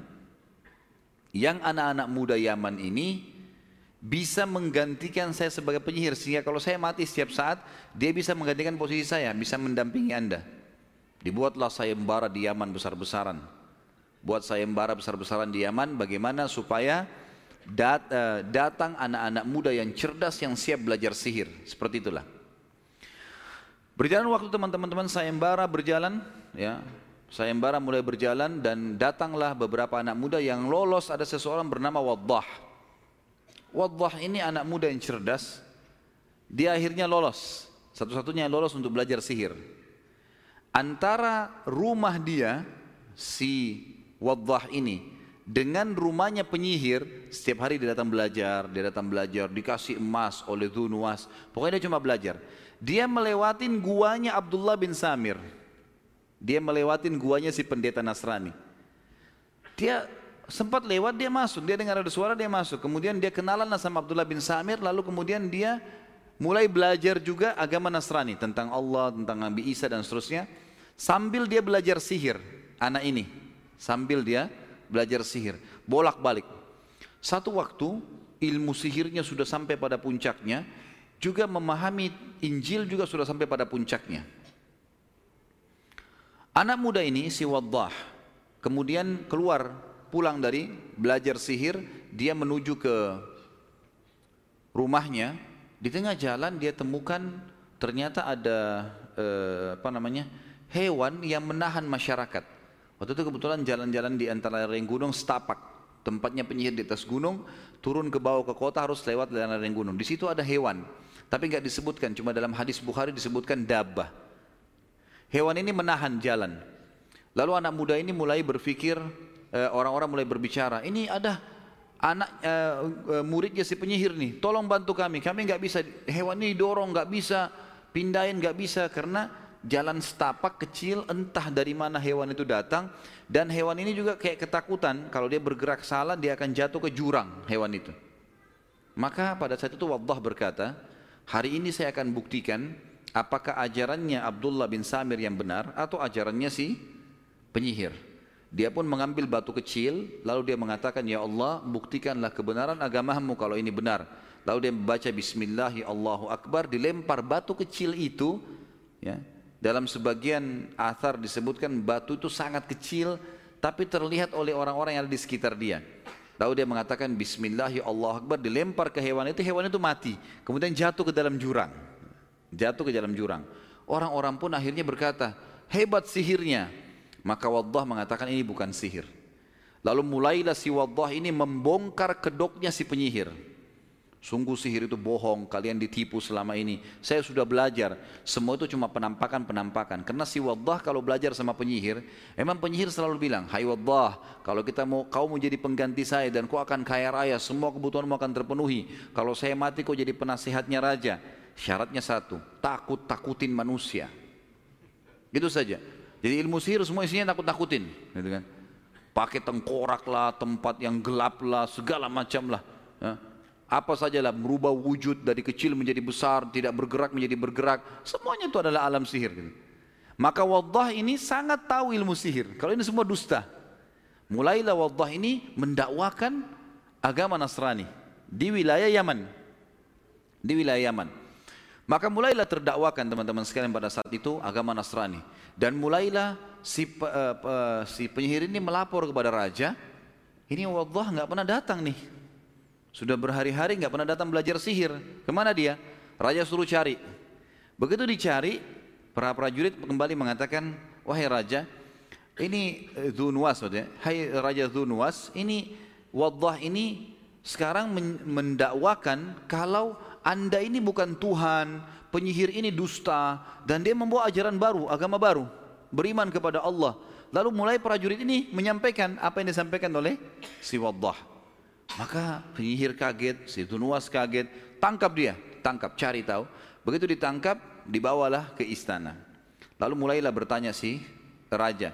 Pertama si penyihir dulu, dia marah mengatakan, Hai Waddah, apa kau berani menantang saya? Kenapa kau begini? Kata Waddah, saya bukan menantang. Tapi kamu menipu orang, kamu sendiri yang mengajarkan kepada saya untuk menanamkan rasa takut, mendustai orang dan seterusnya. Dan itu tidak benar. Allah lah Tuhan kita, mulailah Allah mendakwai. Si penyihir ini sempat menunjukkan sihir-sihirnya, dia berubah bentuklah segala macam, tapi Allah mengatakan apa pun yang kau usahakan, kau tidak akan bisa pengaruhi saya. Saya sudah tahu semua ini dusta. Akhirnya penyihir itu terputus, sudah nggak bisa lagi buat apa-apa. Maka Zunuwas mengatakan, kepada para prajuritnya, tangkap nih anak muda Allah, buang naik ke atas gunung, buang dari gunung. Dibawalah ke atas gunung. Di atas gunung sambil diikat, Waddah mengatakan, eh, rahimahullah, dia mengatakan, tobatlah kepada Allah. Itu nuwas itu bukan Tuhan, itu manusia biasa. Ini harus kalian tobat kepada Allah dinasihatin dan tidak mau. Prajurit itu tidak mau. Lalu Waddah mengeluarkan kalimat yang akhirnya menjadi doa. Dan ini riwayat Bukhari menjelaskan masalah ini. Dan ini juga doa yang mulia kalau seseorang dizalimi oleh orang lain dia bisa mengucapkannya. Maka dia mengatakan Allah makfinihim ma syi'ta. Ya Allah ambil alihlah orang-orang ini. Seperti itulah.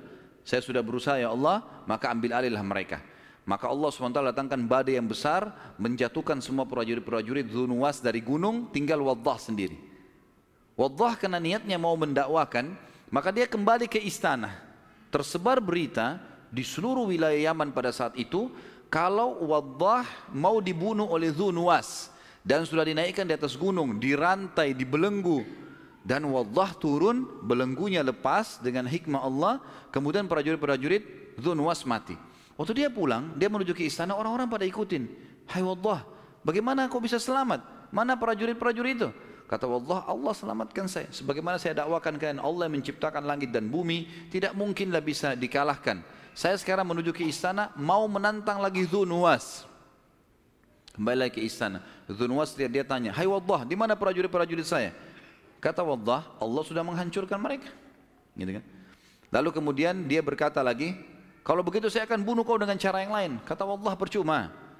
Anda tinggal beriman kepada Allah, jangan mengaku sebagai Tuhan, kembali kepada agama nenek, uh, uh, ayah-ayah Anda saja, beriman pada Allah dan akui ada nabi setelah Musa namanya Isa.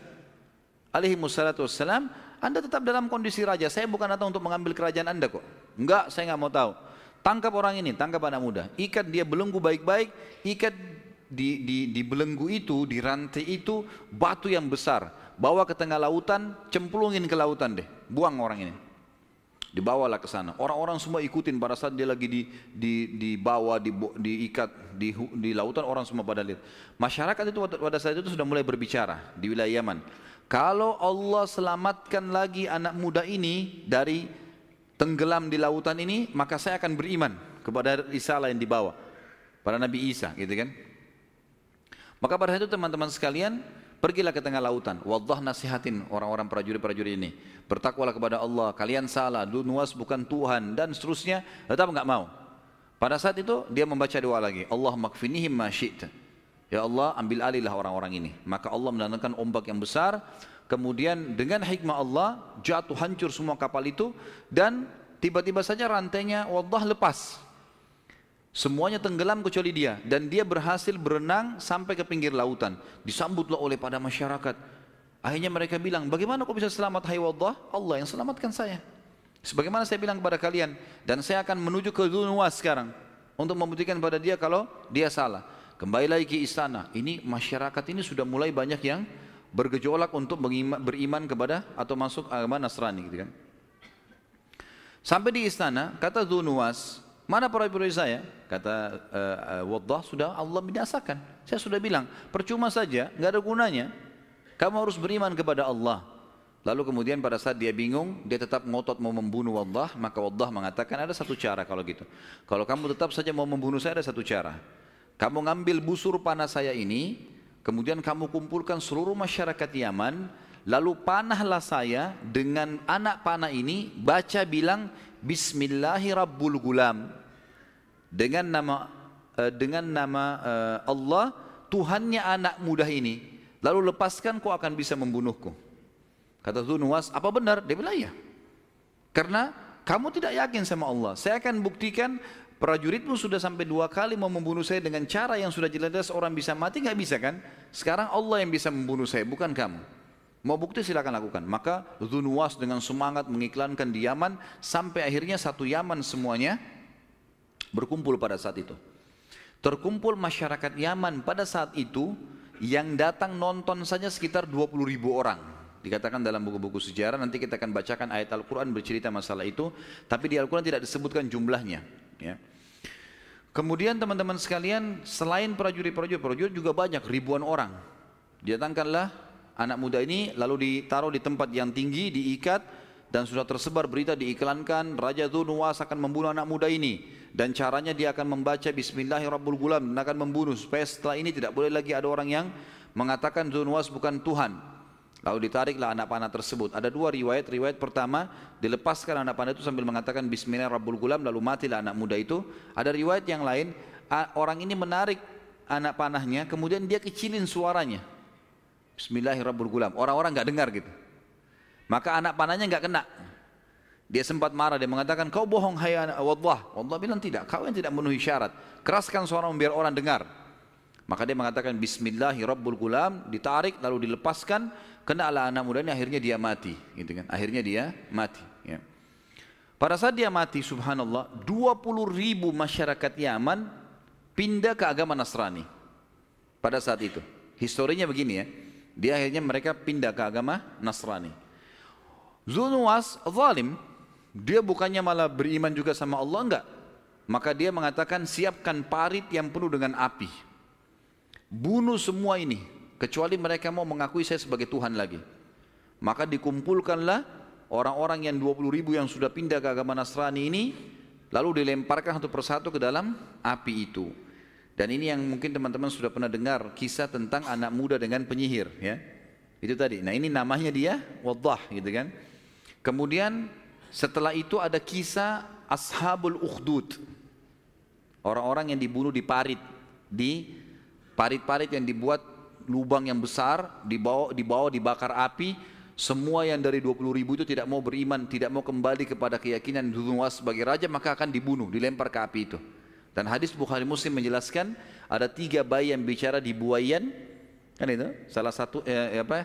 Eh, Isa alaihissalam, kemudian bayinya Juraij, gitu kan? Dan tentu ini ada cerita sendiri. Kemudian ada anak bayi yang digendong oleh ibunya di kisah Ashabul Ukhdud. Nah kisahnya Zunuwas yang membunuh-bunuh orang yang 20 ribu ini. Waktu ibunya mau loncat ke api kan kefikiran bayinya. Dan bayinya mengatakan, ya, loncatlah hai ibu karena kau dalam keadaan benar. Nah ini termasuk bayi yang bisa bicara dalam buayan. Itu hadis menjelaskan masalah itu. Baik, maka dibunuh-bunuhinlah orang-orang ini. Dan Allah menurunkan kisah, menceritakan pada kita tentang kisah Ashabul Ukhdud. Zunuwas yang membunuh sekian banyak orang hanya karena mereka beriman kepada Allah. Surah Al-Buruj, surah nomor 85 ayat 1 sampai ayat 8. Surah Al-Buruj surah nomor 85 ayat 1 sampai ayat 8 menceritakan masalah itu. A'udzu billahi minasyaitonir rajim. Was-sama'i dzatil buruj wal yaumil maw'ud wa syahidin wa mashhud qutila ashabul ukhdud idhum 'alaiha qu'ud wa hum 'ala ma yaf'aluna bil mu'minina syuhud wa ma naqamu minhum illa an yu'minu billahil azizil hamid. Demi langit yang mempunyai gugusan bintang Maksudnya Allah ya, demi Allah menciptakan langit itu yang punya gugusan bintang. Dan hari yang telah dijanjikan hari kiamat. Dan yang menyaksikan dan juga yang disaksikan. Tentang apa? Binasahnya orang-orang di Ukhdud di parit dan terlaknatnya orang-orang yang membuat parit. Maksudnya Dzunwas sama pasukannya yang berapi-api dinyalakan dengan kayu bakar ketika mereka duduk di sekitar api tersebut sedang mereka menyaksikan apa yang mereka perbuat terhadap orang-orang yang telah beriman. Dan mereka tidak menyiksa orang-orang beriman itu melainkan karena orang-orang beriman itu beriman kepada Allah yang maha perkasa lagi maha terpuji. Sampai sini teman-teman sekalian kisah masuknya Nasrani ke Jazirah Arab. Ini Yahudi dan Nasrani Baik, saya akan masuk sekarang teman-teman. Ini lanjutannya, berlanjut semua. Dan kita tutup dengan poin ini. Gitu. Pada pertemuan kita sekarang dan insya Allah nanti malam kita akan lanjutkan juga lanjutan sirahnya. Masih berlanjut karena sebulan sekali ini kita di Balikpapan melanjutkan atau dua kali pertemuan melanjutkan masalah sirah. Sekarang teman-teman sekalian kita akan bahas tentang lanjutan kisah tadi. 20 ribu orang itu terbunuh, dibunuh oleh Zunuwas dan setelah pada saat proses itu terjadi, kita akan bahas sekarang kondisi Yaman ya setelahnya seperti apa yang terjadi. Saya tulis ini sebenarnya kisah Ashabul Fil dan berkuasanya pemerintah negeri Persia di negeri Yaman. Dari 20 ribu orang yang tadi mau dibunuh oleh Zunuwas itu dan memang terbunuh semua. 19.999 mati semua, dibakar oleh Zunuwas. Karena tidak ada yang mau meninggalkan lagi agamanya. Ada satu orang namanya Daus Dhu Tha'laban. Daus Dhu Tha'laban ini selamat dari pembakaran api. Dia lari. Lari-lari dikejar oleh pasukan Dunwas berhasil lari sampai masuk di lautan. Begitu di lautan dia berusaha berenang sejauh mungkin dan pasukan sudah tidak bisa lagi mengejarnya akhirnya dia selamat. Daus Dhu Tha'laban ini berhasil menyeberang ke wilayah Afrika. Jadi kalau jazirah Arab teman-teman sekalian, kalau telapak tangan saya maaf ini adalah jazirah Arab, tentu di sebelahnya ada Afrika, gitu kan? Dan memisahkan itu Laut Merah. Gitu. Jadi dia turun di Laut Merah, dia berenang aja terus, berhasil sampai ke wilayah Afrika. Karena memang itu Memang jauh kalau jarak orang berenang, tapi kalau dengan perjalanan ada kapal itu dekat. Saya tidak tahu bagaimana prosesnya karena saya tidak temukan orang ini Daus Dhu Tha'laban bisa berhasil tiba di Afrika. Apakah ada kapal yang lewat membawa dia atau dia tetap berenang? Intinya dia sampai ke Afrika. Tiba di Afrika ini teman-teman sekalian, dia mulai berpikir bagaimana caranya ini? Bagaimana caranya supaya bisa membalas pembantaian orang-orang Nasrani yang ada di wilayah itu. Daus terus saja mencari jalan sampai akhirnya dia berpikir untuk mencapai wilayah Romawi. Dia belum tangkap nih di Afrika ada Najasyi, dia tidak tangkap. Dia jalan teman-teman sekalian, terus dari wilayah Afrika, kalau Yaman itu berdetetan sama wilayah Afrika, dia jalan ke atas di pesisir Laut Merah, tiba di Mesir, kemudian dia pindah ke Konstantinopel, Turki, kalau zaman sekarang gitu kan. Itu dulu ada kerajaan, ada kaisar tinggal di situ yang kata Nabi SAW kalian akan membebaskan Konstantinopel, Konstantinia. Waktu itu di situ di situ kaisarnya. Dia pergi ke sana lalu dia melapor, ceritanya begini, ceritanya begini, ceritanya begini. Kebetulan kaisar memang beragama Nasrani dan yang dibunuh oleh Zunuwas adalah agama Nasrani. Maka kaisar sempat marah pada saat itu. Dicari informasi benar, ternyata betul ada pembantian, tersebar berita itu. Maka kaisar tahu dia terlalu jauh kalau dia mau ke Yaman, dia mengirim surat dan mengirim Daus ini, Zu Tha'laban, bertemu dengan Najasyi di Afrika. Kembali lagi kamu ke Afrika, saya bawa pasukan mendampingi kamu, bawa surat saya ini ke Najasyi. Dibawalah. Najasyi waktu tahu berita itu marah dia. Bagaimana bisa ini? Si Zunwas yang sudah meninggalkan agama Yahudi, plus lagi dia mengaku Tuhan, lalu membunuh, membunuh orang-orang Nasrani sampai 19 ribu sekian orang. Maka dia pun membentuk pasukan. Pasukannya teman-teman sekalian itu disuruh masuk menyerang Yaman dan dipimpin oleh dua orang. Salah satu dari dua nama ini antum sangat kenal namanya. Iryad dan Abraha. Jadi Iryad ini panglima kepala panglima perang, Abraha yang nanti bentuk pasukan gajah nyerang Mekah itu adalah wakilnya Iryad. Diutus oleh siapa? Najasyi untuk menyerang Yaman, menyerang Zunuwas. Tangkap nggak ini? Sayang kalau tidur nih informasinya. Walaupun Alhamdulillah Masya Allah sudah tidak ada yang tidur ya. Jadi teman-teman sekalian, berangkatlah pasukan Najasyi dipimpin oleh Iryad dan Abraha. Untuk apa? Nyerang Zunuwas. Terjadi peperangan besar antara pasukan Najasyi dengan Zunuwas. Setelah berperang beberapa hari, ternyata pasukan Zunuwas kalah. Pasukan Zunuwas kalah. Dan Zunuwas ini lari terus sampai masuk ke Laut Merah dan akhirnya tenggelam, mati di situ. Zunuwas akhirnya mati tenggelam. Dengan matinya Zunuwas, kerajaan Yaman jatuh di tangan orang-orang Nasrani. Tepatnya di tangan Najasyi. Dan yang menjadi pemimpin di Yaman adalah Iryad, panglima perang tadi. Baik, satu demi satu teman-teman ini jangan sampai lepas karena ini informasinya bersambung ya.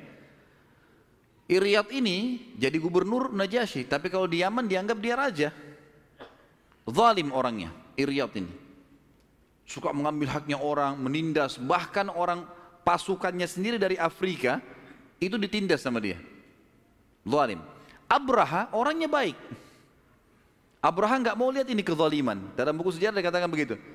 Maka dia nasihatin Iryad, Iryad nggak mau. Apa yang terjadi? Dia ngajak pasukannya dari Afrika yang tidak setuju dengan keputusan Iryad untuk memberontak. Bertemulah pasukan Abraha dengan pasukan Iryad. Dua-duanya pasukan Ethiopia nih. Berperang. Waktu sebelum berperang, Abraha kirim surat kepada Iryad. Wahai Iryad, daripada pasukan Afrika habis semua nanti, mati pasukan Najasyi ini, kita perang habis-habisan, Yaman Kembali lagi nanti. Lebih baik kita berdua yang duel. Siapa yang menang? Dia pemimpin. Iryad ini dalam buku-buku sejarah dikatakan teman-teman sekalian, orangnya sangat kekar, kuat, gitu kan. Kemudian dia tahu Abraha, kapasitasnya Abraha, keterampilan perangnya di bawah dia. Ya seperti orang kalau ahli bela diri mungkin ini sudah sabuk hitam, ini masih sabuk merah tuh. Baiklah, saya terima tantangannya, kata Iryad. Duel nih dua orang. Duel, duel, duel, duel sampai akhirnya Abraha sempat dipotong hidungnya oleh Iryad. Orang yang hidungnya terpotong dalam bahasa Arab namanya ashram. Ashram. Makanya Abraha itu punya julukan Abrahal Ashram. Waktu dia nyerang Ka'bah, dibasi julukan Abraha Ashram karena hidungnya tidak ada terpotong. Yang potong si Iryad karena terpotong hidungnya dari duel tadi, darah pada ngucur, jatuh dia kan. Iryad pikir sudah menang. Iryad ini ngangkat-ngangkat semangat eh, apa namanya balik ke arah pasukannya, ternyata melihat kejadian tersebut Abraha dalam kondisi memang dia juga mengucur darah, dia sakit tapi dia ada kesempatan. Dia berdiri, Iryad ditusuk dari belakang. Matilah si Iryad. Waktu mati Iryad, otomatis kekuasaan Yaman dikuasai oleh siapa? Abraha. Mulailah Abraha menjadi raja Yaman. Atau kalau di Najasyi gubernur. Sampai berita kepada Najasyi. Najasyi marah. Kok bisa dua pimpinannya perang nih? Maka dia bersumpah waktu itu atas nama Allah, karena dia Nasrani, Atas nama Allah dia bersumpah, dia akan injakkan Yaman dan dia akan menggundul kepalanya Abraha. Sebagai bentuk penghinaan. Maka yang terjadi teman-teman sekalian, Abraha waktu dengar berita tersebut dia ketakutan. Jauh Najasyi kuat dan dia bukan niatnya untuk itu, niatnya baik awalnya. Maka dia gundur rambutnya, kemudian diambil tanah dari Yaman ditaruh dalam kotak, di dalamnya ada surat, kirim ke Ethiopia secepat mungkin. Tiba Najasyi, isinya adalah wahai Raja Najasyi, ceritanya seperti ini, diceritain sama dia. Iryad zalim gak segala macam gini. Saya akhirnya gara-gara daripada pasukan perang, pasukan anda perang jadi habis semua lebih baik saya duel. Dan tidak ada jalan lain saya harus membunuhnya. Dan saya tidak pernah mau memberontak, saya tetap patuh dengan anda. Yaman wilayah anda. Dan untuk melepaskan anda dari sumpah anda kan dia sumpah sama Allah mau ke Yaman injakin kakinya ke Yaman dan menggundul kepala Abraha nah ini tanah Yaman sudah saya kirim Tinggal anda injak, selesai sumpahnya. Dan kepala saya sudah saya gundul, sudah selesai. Nah rupanya Najasyi terima itu. Diterima sama Najasyi, baiklah sudah. Ya aman dari wilayah saya, ceritanya sudah jelas, ya sudahlah, nggak apa-apa. Tapi rupanya teman-teman sekalian, Naja, eh, si Abraha ini ketakutan. Ini jangan sampai karena tidak ada telepon kayak kita sekarang bisa mastiin dengar suaranya. Ini bisa saja tiba-tiba pasukan Najasyi datang dari Afrika, bunuh dia. Untuk membuktikan pengabdiannya pada Najasyi, dia membangun sebuah gereja besar namanya Kulais. Namanya gereja Kulais. Ya. Sampai sekarang di Yaman masih ada sisa-sisa temboknya. Gereja Kulais ini dia bangun untuk menyenangkan Najasyi. Kalau dia betul-betul tetap mau tunduk dengan Najasyi. Dan dia kirim surat pada Najasyi, saya akan membangun sebuah gereja namanya, saya berikan nama Kulais, gitu kan. Kemudian gereja ini akan saya buat eh, semua orang Jazirah Arab datang tunduk untuk beribadah di situ. Dibangunnya sama dia eh, Kulais ini, kemudian dia mengirim surat untuk seluruh Jazirah Arab, semua orang Arab harus datang beribadah ke situ. Dia mau ngajak ke agama Nasrani secara paksa, gitu kan. Waktu tiba berita tentang dibuatnya gereja Kulais, kemudian Abraham memaksa orang-orang Arab untuk datang menyembah pada saat itu beribadah di gereja ini, maka ada satu kelompok di Mekah yang diberikan julukan Ahlun Nasi. Ahlun Nasi, ya. Nasi ini teman-teman artinya menerlambatkan sesuatu. Dikenal dengan nasi. Apa ceritanya? Kita masuk sedikit ke Mekah di sini. Jadi orang-orang Arab sebelum datangnya Nabi SAW teman-teman sekalian, mereka itu hidup dengan saling menyerang satu sama yang lain. Tradisi zaman dulu. Jadi misalnya suku A nyerang suku B, nanti diambillah peternakannya, diambillah apa hartanya, begitulah. Mereka saling nyerang satu sama yang lain. Di dalam syariat Nabi Ibrahim alaihissalam diceritakan dalam surah At-Taubah ayat 36 ada empat bulan dari dua belas bulan Hijriah yang dimuliakan. Rajab, Zulkaadah, Zulhijjah dan bulan Muharram. Ini empat bulan nggak boleh perang. Orang-orang Arab ini pada saat mereka lihat Zulkaadah, Zulhijjah dan bulan Muharram berdekatan, gitu kan? Dan ini tiga bulan nggak berperang panjang buat mereka. Karena harusnya ada peperangan supaya bisa hidup. Begitu keyakinan pada saat itu ya. Maka mereka membentuk namanya ahlun nasi. Siapa ahlun nasi ini? Dicari orang-orang yang dianggap berakal dan bijaksana di antara mereka, didatangkan, kemudian mereka-mereka ini bisa membolak-balikkan nama-nama bulan. Rekayasa keadaan. Misal gini, pas lagi bulan Muharram, udah keputusan kami sekarang bukan Muharram, sekarang Safar. Muharram nanti bulan depan. Keputusan mereka, namanya Ahlun Nasi. Jelas sampai sini? Baik. Ini supaya lebih jelas, teman-teman kita akan saya bacakan ayat Al-Qur'an surah At-Taubah 36 yang berbunyi a'udzubillahi minasyaitonirrajim. Inna iddatash shuhuri indallahi 12 syahran fi kitabillahi yawma khalaqas samawati wal arda minha arba'atun hurum dzalika dinul qayyim fala tadhlimu fihinna anfusakum wa qatilul musyrikina kafatan kama yuqatilunakum kafa wa'lamu anna Allaha ma'al muttaqin Sesungguhnya bilangan bulan di sisi Allah dari semenjak diciptakan langit dan bumi itu ada 12 bulan, bulan-bulan Hijriyah, Muharram, Safar, Rabiul Awal, Rabiul Tsani, Jumadil Ula, Jumadil Tsani, Rajab, Sya'ban, Syawal, Dzulqa'dah, Zulhijjah dan bulan Muharram. Eh, maaf, dan Zulhijjah, 12 bulan ini. Kata Allah di antaranya ada empat bulan yang hurum, yang dimuliakan. Artinya tidak boleh berperang. Rajab, Zulqa'dah, Zulhijjah dan bulan Muharram. Dan ini di awal-awal Islam, ini menjadi syariat Nabi Muhammad sallallahu alaihi wasallam. Nanti setelah turun firman Allah Subhanahu wa taala yang berbunyi di sini waqatilul musyrikina kafatan kama yuqatilunakum kafa maka ini menghapus hukum tidak bolehnya berperang di empat bulan. Di awal-awal Islam tidak boleh memang kita berperang di empat bulan ini.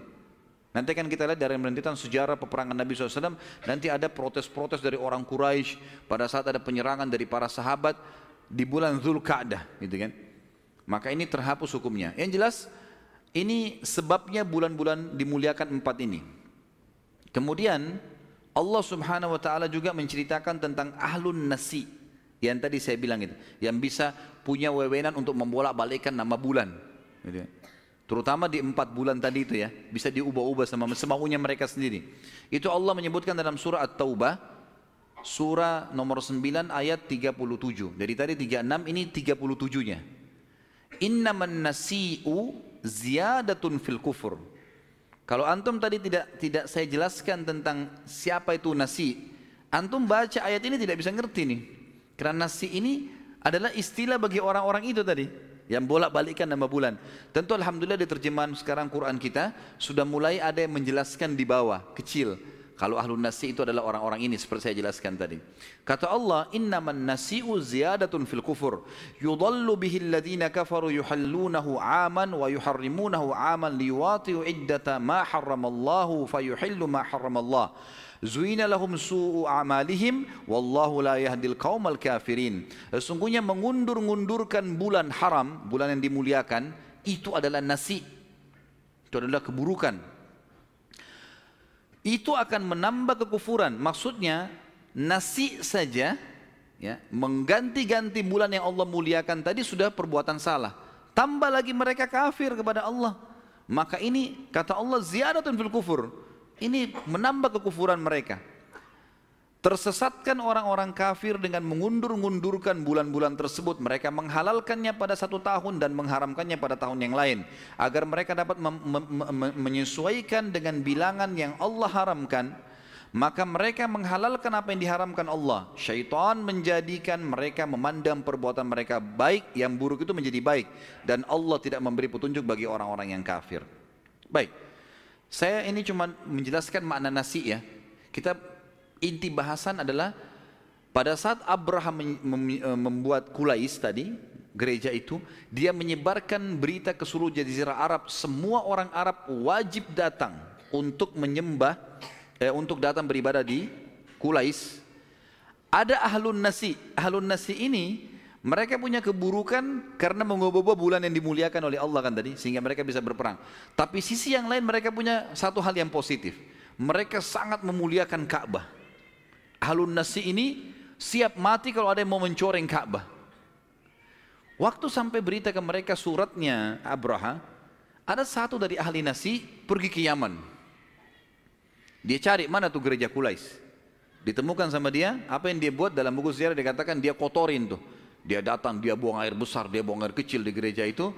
kemudian kotorannya diambil dibelepotin di temboknya. Setelah itu dia kembali ke Mekah. Besoknya Abraha dengar berita, apa ini? Siapa yang kotorin gereja saya? Ada satu orang yang da, yang dikenal dengan ahlun nasi. Apa itu ahlun nasi? Orang yang menerlambatkan bulan-bulan muliakan. Agama apa itu? Dia nggak tahu. Ada penduduk Mekah. Mekah itu apa? Ada Ka'bah di sana. Ditanya sama dia. Dan Abraha walaupun Nasrani tidak tahu Ka'bah itu apa. Dia nggak tahu menahu dari Afrika nih. Orang dari Afrika datang, nggak ngerti. Gitu kan? Maka dia mengatakan apa itu Ka'bah? Ka'bah adalah rumah yang dimuliakan oleh masyarakat terutama orang nasi tadi. Jadi rupanya dia datang ke sini ngotorin gereja Anda karena Anda suruh mereka pindah ke sini. Mereka sudah punya rumah di sana yang disembah, gitu kan. Maka Abraham mengambil keputusan gara-gara kejadian ini untuk menyerang Ka'bah. Ini kisahnya. Baru tahu atau sudah tahu?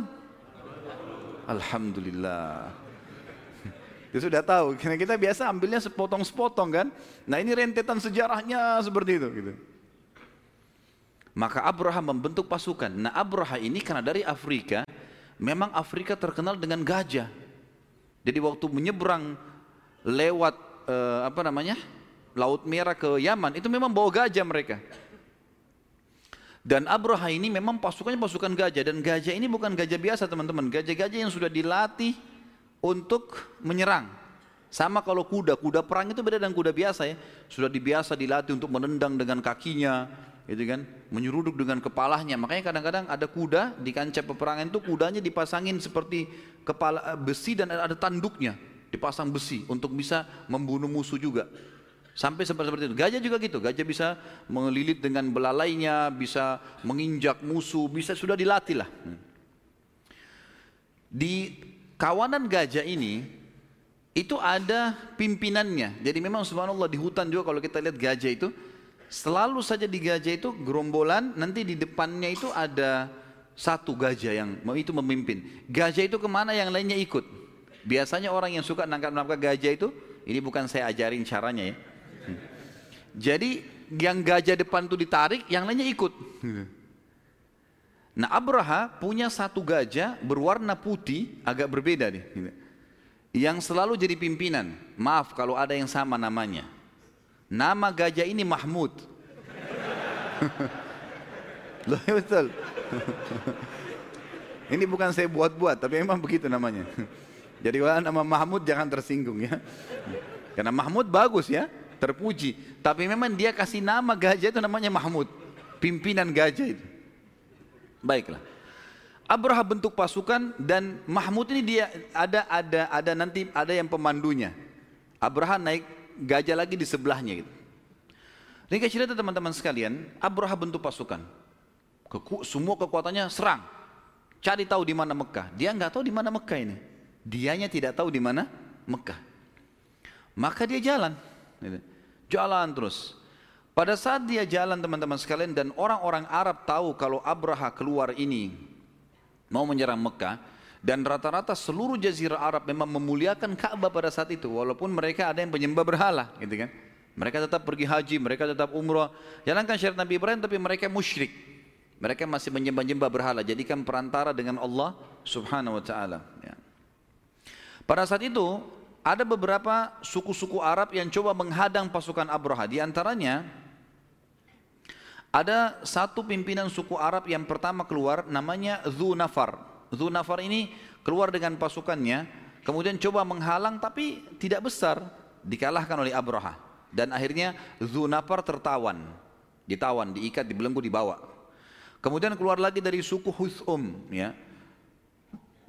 Suku ini kemudian juga berusaha untuk menyerang dipimpin oleh Nufail, tapi juga tertawan sama Nufail sama Dzunafar ini terta, Dzunafar ini tertawan. Sampai akhirnya karena kedua kepala suku ini sudah tertawan dan bagi orang-orang Arab Jazirah Arab dua orang ini Dzunafar sama Nufail adalah orang yang kuat di mata orang-orang Arab. Kalau ini aja kalah apalagi kita. Gitu. Sampai pasukan Abraha tiba di wilayah Taif.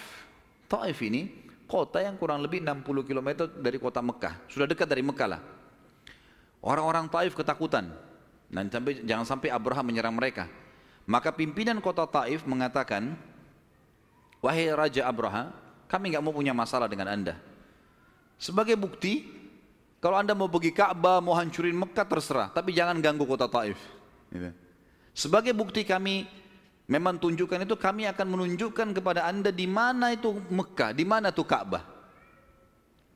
Lalu diiklankanlah di kota Taif, siapa yang mau menunjukkan pasukan Abraham Mekah. Orang-orang semua tidak ada yang mau. Karena mereka tahu ini rumahnya Allah Ka'bah biar bagaimanapun tahu kan gitu. Kecuali satu orang bernama Abu Rugal. Abu Rugal ini dia bilang saya mau. Akhirnya Abu Rugal datang ditunjukin sama dia jalan. Pas tiba di pintu gerbang Mekah, waktu itu namanya pintu Bani Syaibah. Pintu gerbang besar, tiba di situ. Maka Abu Rugal mati yang menunjukkan jalan. Pasukan Abraha sampai di situ. Semenjak itu teman-teman sekalian dan sampai hari ini setiap ada orang yang berkhianat dipanggil Abu Rugal. Setiap ada orang berkhianat. Jadi kalau antum dengar ada orang Arab bilang Abu Rugal berarti pengkhianat tuh. Hmm. Dan kuburannya yang ada pada saat itu di dekat pasukannya Abraha setelah Abraha pun dihancurkan oleh Allah nanti itu selalu orang Arab rajam. Jadi dari jauh dilemparin batu. Dirajam kuburan dijadikan marjam. Tempat melempar batu kuburannya si Abu Rugal karena dianggap dia berkhianat. Semua orang Arab nolak kecuali dia sendiri gitu. Baik pada saat itu Abraha pun memasang kemah-kemahnya pasukannya semua diistirahatkan di dekat pintu gerbang Mekah.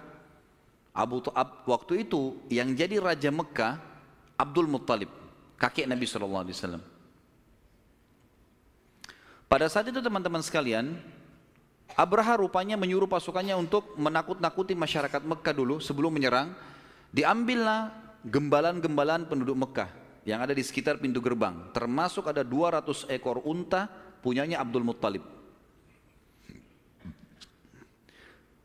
Kemudian pada saat itu Abdul Muttalib bermusyawarah dengan beberapa tokoh Mekah. Mereka semua mengatakan tidak mungkin kita melawan nih. Pasukan gajah sudah datang, kelihatan kekuatannya, suaranya, segala macam nggak mungkin. Lalu dimintalah Abdul Muttalib untuk datang supaya melobi. Bagaimana nih caranya? Abraha, dia belum lama berkuasa di Yaman. Dia masih belum menguasai bahasa Arab, dia menguasai bahasa Afrika. Belum baru baru baru masuk kan? Cuma karena kejadian sama Iryad, kemudian tadi dia membangun Kulais, belum lama beliau belum bisa. Maka dia butuh penterjemah. Dipanggil satu penterjemah, Abdul Muttalib pada saat itu minta untuk bertemu. Jadi tentu saja Abdul Muttalib ini teman-teman sekalian, waktu itu mau ketemu Abraha, Abraha tidak terima siapa pun yang datang. Walaupun itu Raja Mekah sendiri. Maka Abdul Muttalib sempat menemui Dhu Nafar. Ya, tadi kepala suku Arab yang sempat menyerang tapi ditawan oleh Abraha. Ditanya bagaimana Zunafar, bagaimana caranya ketemu sama raja ini? Saya mau bicara. Zunafar tahu Abdul Muttalib raja Mekah. Dia bilang kayaknya agak sulit. Tapi waktu saya lagi dalam perjalanan dari uh, perjalanan tadi di suku saya waktu saya menyerang sampai tiba di Mekah ini, pemegang tali kendala Mahmud, ya, kepala gajah tadi namanya Unais. Unais ini sempat terjalin persahabatan dengan saya di tengah jalan. Dan Unais ini punya kedudukan di Abraha. Coba kata Zunafar, saya melobi ke Unais, mungkin Unais mau bertemu. Baiklah. Unais pun akhirnya diajak bicara oleh Zunafar, Zunafar eh, akhirnya Unais setuju, Unais membahasakan ke Abraha, Abraha setuju. Ketemulah akhirnya Abdul Muttalib dengan Abraha dalam kemah. Abdul Muttalib ini terkenal sangat tampan, berwibawa gitu kan. Raja datang. Saking punya wibawa waktu dia masuk ke dalam kemah Abraha, Abraha melihat dia, Abraha dianggap raja Yaman pada saat itu. Dia lihat Abdul Muthalib duduk di lantai, dia pun datang duduk di lantai. Datang penerjemah, bicara di antara mereka. Kata Abraha, kenapa? Siapa kamu ini? Saya Abdul Muthalib, pimpinan Mekah. Kenapa kamu datang? Dia bilang, wahai Raja Abraha, Anda, pasukan Anda telah mengambil gembalaan masyarakatku. Di antaranya adalah 200 ekor unta milikku. Aku minta kepada anda untuk kembalikan aja semua itu. Abraha tiba-tiba marah. Dia bilang, saya datang, waktu kau datang, saya lihat kewibawaan ada padamu. Saya sampai turun di lantai, menduduk bersamamu, karena saya anggap kau wibawa. Saya pikir kau akan minta supaya saya tidak menyerang rumah ini. Tapi ternyata kau hanya minta gembalaan saja. Lalu kata Abdul Muttalib, kalimat yang sebenarnya waktu itu kalau Abraha tangkap dia bisa sadar. Kata Abdul Muttalib, wahai Abraha, Raja Abraha, kalau saya pemilik unta dan masyarakat saya pemilik gembalan-gembalanya. Kalau rumah yang anda mau serang ini ada pemiliknya, ada Tuhannya. Maka Tuhannya akan menjaganya. Tapi Abraha tidak tangkap poin itu. Kemudian dia mengatakan pada Abdul Muttalib, begini saja. Saya tidak ingin menyerang kalian. Kalian terlalu kecil untuk saya lawan. Sudah selesai. Keluar dari Mekah, saya hanya mau hancurkan rumah itu. Bisa? Bisa. Baiklah. Dikembalikanlah semua gembalaan Abdul Muttalib dan masyarakat. Maka lalu Abdul Muttalib iklankan. Selama tiga hari, seluruh masyarakat Mekah disuruh keluar. Bersih, nggak boleh ada Mekah satu orang pun. Mereka keluar pun naik ke atas gunung-gunung di sekitar Mekah. Dan mereka bisa menyaksikan pada saat itu. Pada saat itu pun setelah keluar semuanya, sudah kosong Mekah, Abraha setelah tiga hari menyuruh pasukannya masuk. Waktu sudah masuk dan tentu masuk pintu gerbang Mekah tidak langsung kelihatan Ka'bah. Karena Mekah cukup besar, masuk sampai tiba di dekat Ka'bah, begitu melihat Ka'bah, si Mahmud tadi ini duduk. Sebabnya dia duduk adalah Zunafar, tadi yang ditawan oleh Abraha itu, waktu sudah lihat Ka'bah, dia sempat lepas dari ikatan, dia lari kemudian dia bergantung pada telinga si Mahmud ini, gajah. Kemudian dia mengatakan, wahai Mahmud, ubruk, ubruk itu duduklah. Ini rumahnya Allah yang mulia. Lalu dia teriak lagi, wahai Mahmud, duduklah. Ini rumahnya Allah yang mulia. Tiba-tiba Mahmud itu duduk, si gajah itu duduk. Setiap kali didorong, dipukul, nggak mau berdiri. Tapi kalau diarahkan ke Yaman, mau. Kalau kembali lagi mau, tapi kalau nyerang ke depan tidak mau. Dan karena dia duduk, semua gajah yang lain duduk. Ini kan pimpinannya. Enggak mau, yang lain tidak mau bergerak. Kalau ini bergerak, baru bergerak. Maka yang terjadi adalah karena mereka terus ngotot Abraha suruh sampai dalam beberapa asar disebutkan mereka tusuk sampai kulitnya si Mahmud itu berdarah, paksa berdiri nggak mau. Dalam kondisi seperti itu, maka karena mereka ngotot, yang disebutkan dalam riwayat ya, saya sudah tidak tahu lagi masalah kita Nafar dan Nufail, mereka ke mana, mereka selamat tidak, tapi yang jelas mereka melihat dari kejauhan, langit sangat gelap, dan pada saat itu banyak sekali jumlahnya, begitu dekat baru mereka tahu ternyata burung, dan kita sudah tahu burung ababil, ya, diberikan nama ababil oleh Allah SWT sendiri dalam Al-Quran. Maka datanglah pasukan burung ini yang membawa batu-batu dari neraka jahanam. Sebagian riwayat menyebutkan batunya lebih kecil daripada bijinya kurma. Batu-batu yang kecil, ya. Dan batu itu setiap burung memegang satu satu cengkraman satu jadi dua dan dilepaskan. Dan itu kalau kena kepalanya pasukan Abraha atau gajahnya tembus sampai ke, ke perutnya. Gitu kan. Batu itu, karena itu dari neraka jahanam memang. Lewat di atas itu lalu kemudian menghujani mereka. Maka tidak satu pun selamat. Termasuk Abraha sendiri mati pada saat itu. Maka semenjak itu, semenjak kejadian Abraha tadi, secara otomatis ya, Ka'bah makin diagungkan oleh orang-orang Mekah sampai mereka menjadikan istilah hancurnya pasukan Ka'bah eh, pasukan gajah ini sebagai perhitungan tahunan. Jadi mereka selalu mengatakan eh, tahun gajah, satu tahun setahun gajah, dua tahun, dua hari, lima hari, sepuluh hari. Jadi tahun gajah dijadikan tolak ukur. Dan Nabi SAW lahir di tahun gajah itu. Allah menceritakan dalam surah Fil, surah gajah tadi ini menceritakan surah nomor 105 5 ayat saat ayat 1 sampai ayat 5 berbunyi a'udzubillahi minasyaitonir rajim alam tara kaifa fa'ala rabbuka bi ashabil fil alam yaj'al kaidahum fi dhallil wa arsala alaihim tayran ababil tarmihim bihijaratin min sijil faj'alahum ka'asfin ma'kul Apakah kalian tidak memperhatikan bagaimana Tuhan kalian bertindak terhadap pasukan gajah? Ini yang Allah ajak bicara siapa? Orang-orang Mekah. Waktu Nabi SAW mendakwahi mereka, mereka tidak mau beriman kepada risalah Nabi SAW, Allah ingatkan, ingat tak dulu bagaimana Tuhan mau menghancurkan pasukan gajah itu. Bukankah dia Allah telah menjadikan tipu daya mereka untuk menghancurkan Ka'bah itu sia-sia dan dia Allah mengirimkan kepada mereka pasukan burung yang berbondong-bondong yang melempari mereka dengan batu berasal dari tanah yang tembit yang terbakar lalu dia menjadikan mereka Abraha dan pasukannya seperti daun-daun yang dimakan ulat. Akhirnya habislah di sini pasukan gajah. Dan kita lanjutkan, masih berlanjut historinya teman-teman sekalian. Ini sebenarnya materinya pagi, tapi apa boleh buat? Siang antum dikasih. Hah? Masih bernafas nggak di belakang tuh? Ini banyak nama hari ini, banyak cerita, banyak. Hah? Baik, sekarang kita kembali ke negeri Yaman. Kembali ke negeri Yaman. Dan kita tutup dengan pertemuan kita dengan ini teman-teman sekalian. Yaman tadi sudah masuk agama Nasrani kan? Nanti kita akan jelaskan teman-teman sekalian dan kita tutup dengan pertemuan, pertemuan kita dengan itu bagaimana agama Nasrani akan dihilangkan oleh kekuatan Persia sehingga Yaman menjadi wilayah kekuasaan wilayah Persia dan bagaimana wilayah Yaman masuk Islam. Kita tutup dengan itu insya Allah.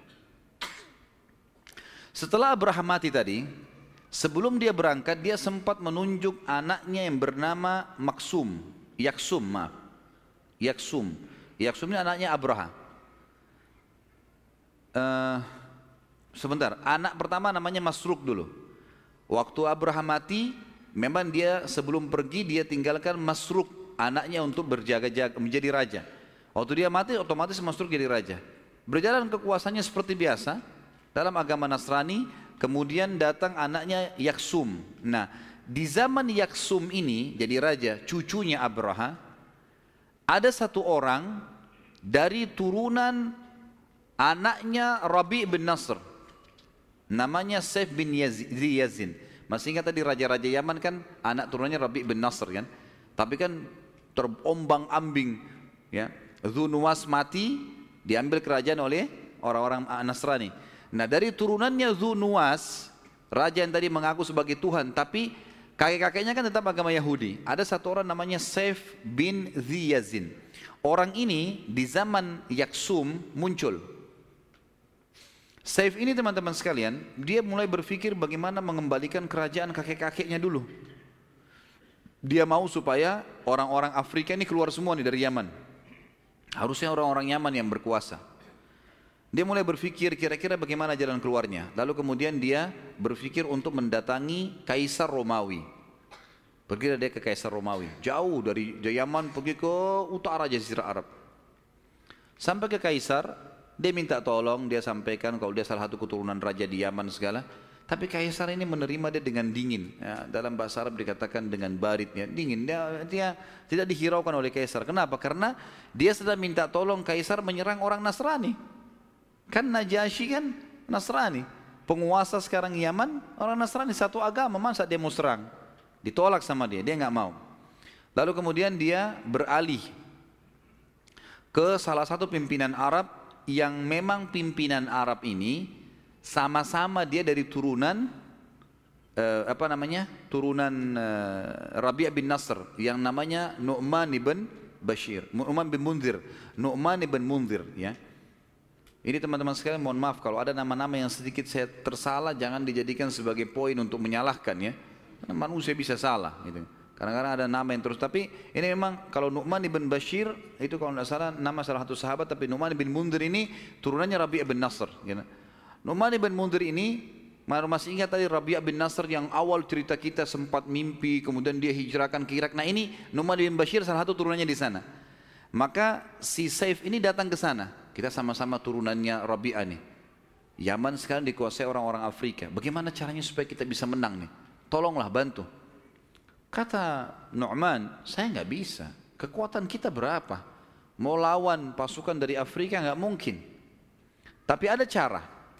Dia bilang wilayah saya ini, wilayah saya ini, kebetulan wilayah Irak ya. Ini tunduk di bawah tangannya Kisra, Raja Persia. Waktu itu penyembah api dan mereka yakin juga Kisra itu Tuhan.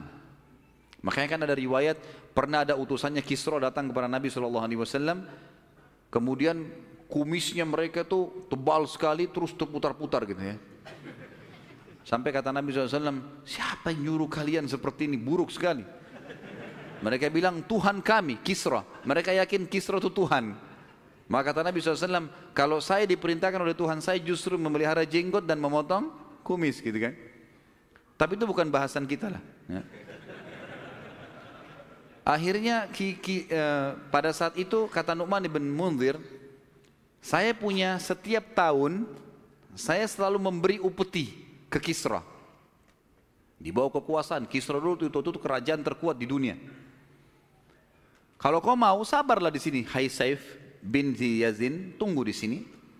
Tahun nanti ini beberapa bulan lagi akan ada pengiriman utusan ke sana dan perjalanan dari dari wilayah ini ke wilayah Madain, Madain ibu kotanya Persia, itu sebulan.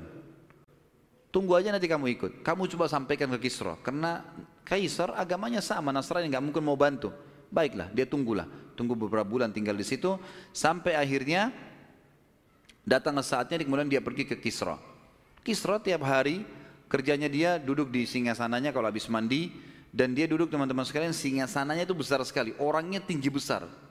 Orang Kisra ini sangat tinggi besar postur tubuhnya dan singgasananya lebih besar lagi dan dia menggunakan uh, sana, uh, maaf, mahkota, mahkotanya itu lebih besar dari dia sekian kali. Bagaimana caranya masuk ke kepalanya? Diturunkan pakai rantai. Oh iya. Jadi bukan di kepala di melengket, tapi dia itu hanya dilebarkan, lebar dan diturunkan pakai rantai. Jadi kesannya dia pakai mahkota yang besar, singgasana yang besar, penuh dengan permata-permata. Seperti itulah ya, kurang lebih. Maka antara dia dengan orang-orang yang datang ke istananya itu ada tirai tirai jatuh dari atas sementara Kisra diturunkan pakai rantai mahkotanya sementara dia atur posisi duduknya di singa sana tirai ditutup nanti kalau sudah mau uh, sudah selesai dia sudah siap diangkat tirai waktu diangkat di sekitar singgasananya itu ada banyak kaca-kaca. Jadi kayak e, masjid ini misalnya ada lingkaran kaca banyak. Tapi mungkin bukan begini ya. Dia lebih besar-besar kacanya sehingga cahaya matahari itu masuk dari semua kaca itu, lingkaran di atas singgasananya terpantul ke permata-permata yang ada di di mahkota dan singgasananya sehingga memantulkan cahaya. Seperti itulah gambarnya dalam buku-buku sejarah. Pada saat itu semuanya orang sujud pada dia. Karena diakui Kisra sebagai Tuhan. Saif ini masuk bersama orang-orang semua. Begitu diangkat tadi tirai, semua orang sujud. Kecuali Saif bin Ziyazin. Enggak sujud dia. Ada, ada alasan kenapa dia lakukan. Dia tidak mau sujud, dia cuma tundukkan kepalanya saja. Begitu Kisra lihat, belum pernah dalam hidupnya Kisra ada orang tidak sujud. Baru manusia ini gitu. Ya. Tanya sama Kisra, siapa kau ini? Kok berani benar kau tidak sujud dengan saya? Dia bilang, saya bukan tidak mau sujud, tapi ada yang menahan saya untuk sujud. Kata Kisro apa itu? Dia bilang masalah yang sedang saya hadapi. Kata Kisro masalah apa? Ceritalah masalahnya dia. Cerita begini kerajaan kakek-kakek saya diambil dari Yaman oleh orang datang dari dari mana? Dari Afrika dan seterusnya lah berkuasa. Sekarang saya mau minta kemurahan anda untuk membantu saya melawan. Kisra musyawarah dengan orang-orang di sekitarnya. Para penasihatnya bilang untuk apa kita bantu? Siapa orang ini? Enggak jelas statusnya, dia cuma mengaku keturunan raja. Dan kalau kita pun rebut Yaman, Yaman ada apa? Yaman gunung-gunung batu. Enggak ada sesuatu yang istimewa gitu di sana. Untuk apa? Kekayaan sudah banyak. Lalu kemudian dikasihlah hadiah. Jadi Kisra mengatakan saya nggak bisa, dikasihlah seribu perak dalam buku-buku sejarah dikatakan dan dikasih bagian pakaian-pakaian mewah dari sutra. Satu perak itu kan bentuknya dulu bulat ya, tapi tidak disebutkan kiloannya. Itu satu itu satu ini sudah bisa satu satu bundalan perak itu sudah bisa beli sekian puluh sekian ekor kuda. Ini dikasih seribu seribu bundalan perak di kotak dikasih karena dianggap ini anak raja, udah bawalah dengan baju-baju. Said bin Yazin bukan datang untuk itu. Dia butuh pasukan untuk menyerang orang-orang Najasyi, orang-orang Afrika yang datang. Maka dia buat sebuah perilaku teman-teman sekalian yang akhirnya membuat Kisra berpikir. Waktu dia keluar dari istana Kisra, tiba-tiba dia teriak, Wahai penduduk Madain, siapa yang mau ambil hadiah silakan. Lalu perak itu dilempar-lempar sama dia. Sama baju-baju yang mewah tadi dilemparin semua. Orang pada berebut di depan istananya Kisra. Dengan ribut-ribut Kisra bilang apa itu? Mereka bilang tadi anak muda yang anda kasih perak dibagi-bagiin ke orang. Semua juga baju-baju dibagi-bagiin. Kata Kisra, pasti anak ini punya sesuatu yang besar nih. Kok bisa perak dibagi-bagi sama dia begitu semahal itu? Panggil kembali, panggil kembali. Kenapa kok bagi-bagi nih? Dia bilang, untuk apa saya perak? Saya datang dari negeri yang gunung-gunungnya perak dan emas. Maksudnya Yaman. Kisra jadi tamak nih. Kumpul sama penasehat-penasehatnya. Ini benar nggak Yaman ada emas dan perak nih? Kata penasehatnya kami nggak pernah dengar itu. Tidak pernah ada sejarahnya ya, memang tidak ada gitu kan. Ini dusta saja. Tapi karena mereka tamak, sudah mulai tamak, ada harta nih, ada banyak. Maka yang terjadi, satu hal itu penasihat Kisra bilang begini, begini saja. Daripada kita bentuk pasukan segala macam ke sana, rumit, lebih baik kita lakukan satu perbuatan yang sederhana. Di dalam di dalam penjara ada banyak sekali ada banyak sekali eh, orang-orang uh, yang sudah anda siap untuk bunuh. Jadi ada banyak ini, ada ribuan orang yang oh, apa penjahat-penjahat narapidana yang memang Kisra mau bunuh. Baik itu pemberontak lah, baik itu perampok lah. Keluarkan mereka semua, kasih mereka baju-baju perang, bentuk pasukan dari mereka, serang Yaman. Kasih Saifdin lihatin tuh, kasih penjahat-penjahat tuh. Kalau penjahat-penjahat ini yang bentuk pasukan Persia ini sampai di Yaman dan kalah, mati dibunuh, kan memang kau sudah mau bunuh mereka. Udah capek targetnya. Gitu kan. Kalau mereka menang, Yaman jadi wilayah kekuasaanmu. Enggak ada ruginya. Kata Kisra, ide yang bagus.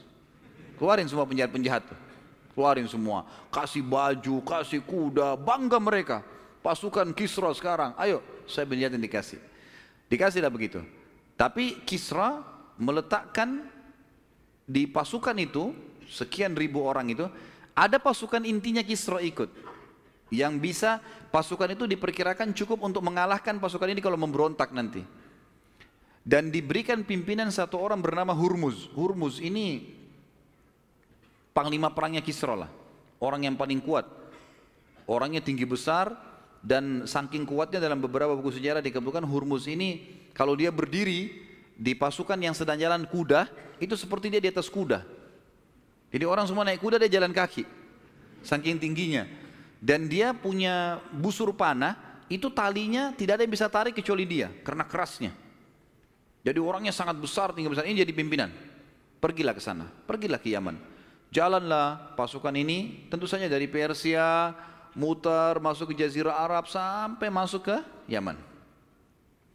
Masuk ke Yaman, di Yaman ini si Yaksum tadi cucunya Abraha dengar. Jam berapa azannya? Insya Allah kita selesaikan. Pertanyaan nanti sekalian malam ya, karena malam nanti ada lanjutan tema kita. Bisa ya? Atau nggak usah bertanya? Tahu bertanya? Ambil ilmunya pulang, amalkan mati masuk surga. Gitu. Baik. Pada saat itu teman-teman sekalian, si Yaksum ini dengar kalau ada pasukan Persia datang. Dia juga bentuk pasukan. Ayo deh, perang sekalian, perang. Yaksum ini juga orangnya tinggi besar. Kebetulan karena dia merasa dia raja di Yaman, dia tidak dia dia dia naik ke atas kudanya, kemudian dia menggunakan mahkota. Di tengah-tengah mahkota itu ada seperti kotak yang menutup antara dua matanya, itu permata warna merah. Kalau dalam buku sejarah dikatakan yakut ahmar, batu yakut yang berwarna merah. Itu ciri khasnya dia. Begitu pasukan bertemu, Hurmus berkata kepada Saif bin Ziyadin, mana rajanya Yaman nih?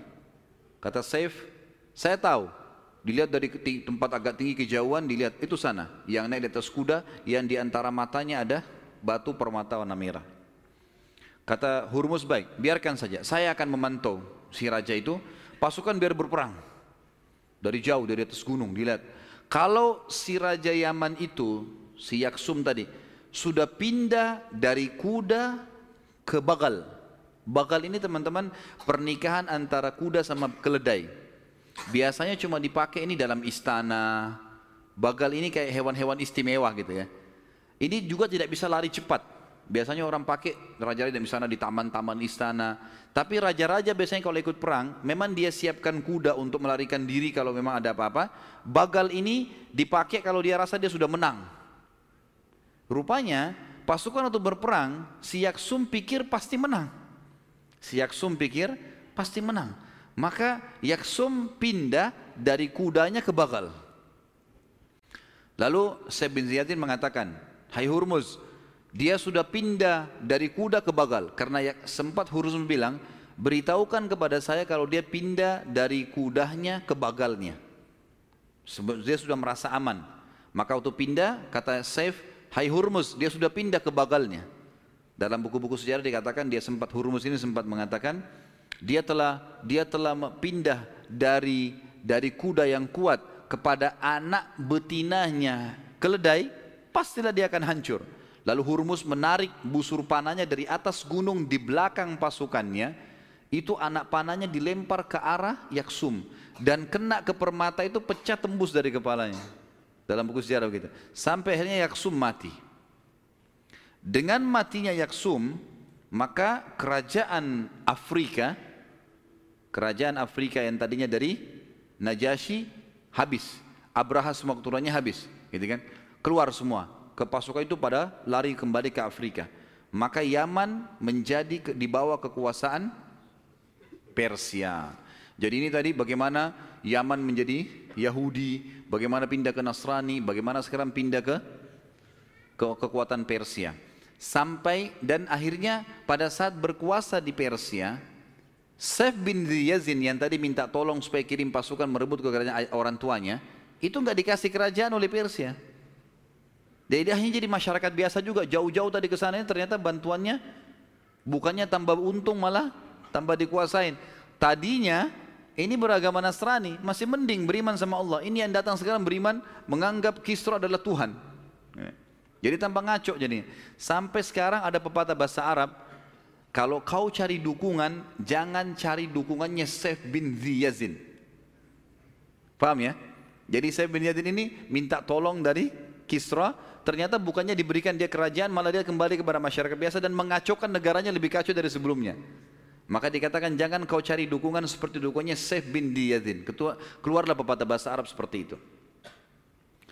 Akhirnya teman-teman sekalian kita akan tutup dengan pada masa eh, pada masa itu jadi yang berkuasa Hurmuz. Setelah Hurmuz ini mati, datang anaknya bernama Murzuban.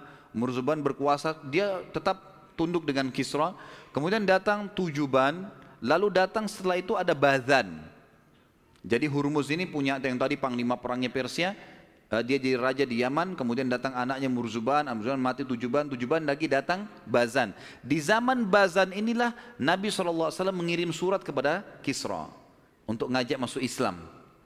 Kan waktu Nabi SAW kirim surat ke Persia, tiba di tangannya Persia, Kisra. Kisra dengan sombongnya mengatakan apa? Siapa orang ini? Dari Jazirah Arab, dari Mekah. Mekah nggak dikenal apa-apa. Terus minta saya tunduk. Maka dia pun merobek surat Nabi SAW dan utusan Nabi dibunuh. Maka kata Nabi SAW, Mazzaka risalati, mazzakallahu mulkah. Dia telah merobek suratku, Allah akan robek kerajaannya. Gitu kan? Nah di zaman Bazan, cucunya, cicitnya si Hurmuz tadi, itu suratnya Nabi SAW tiba di Kisra. Lalu Kisra bilang, kirim surat ke Bazan. Bazan kan berkuasa di Yaman. Tangkapkah ini? Berkuasa di Yaman.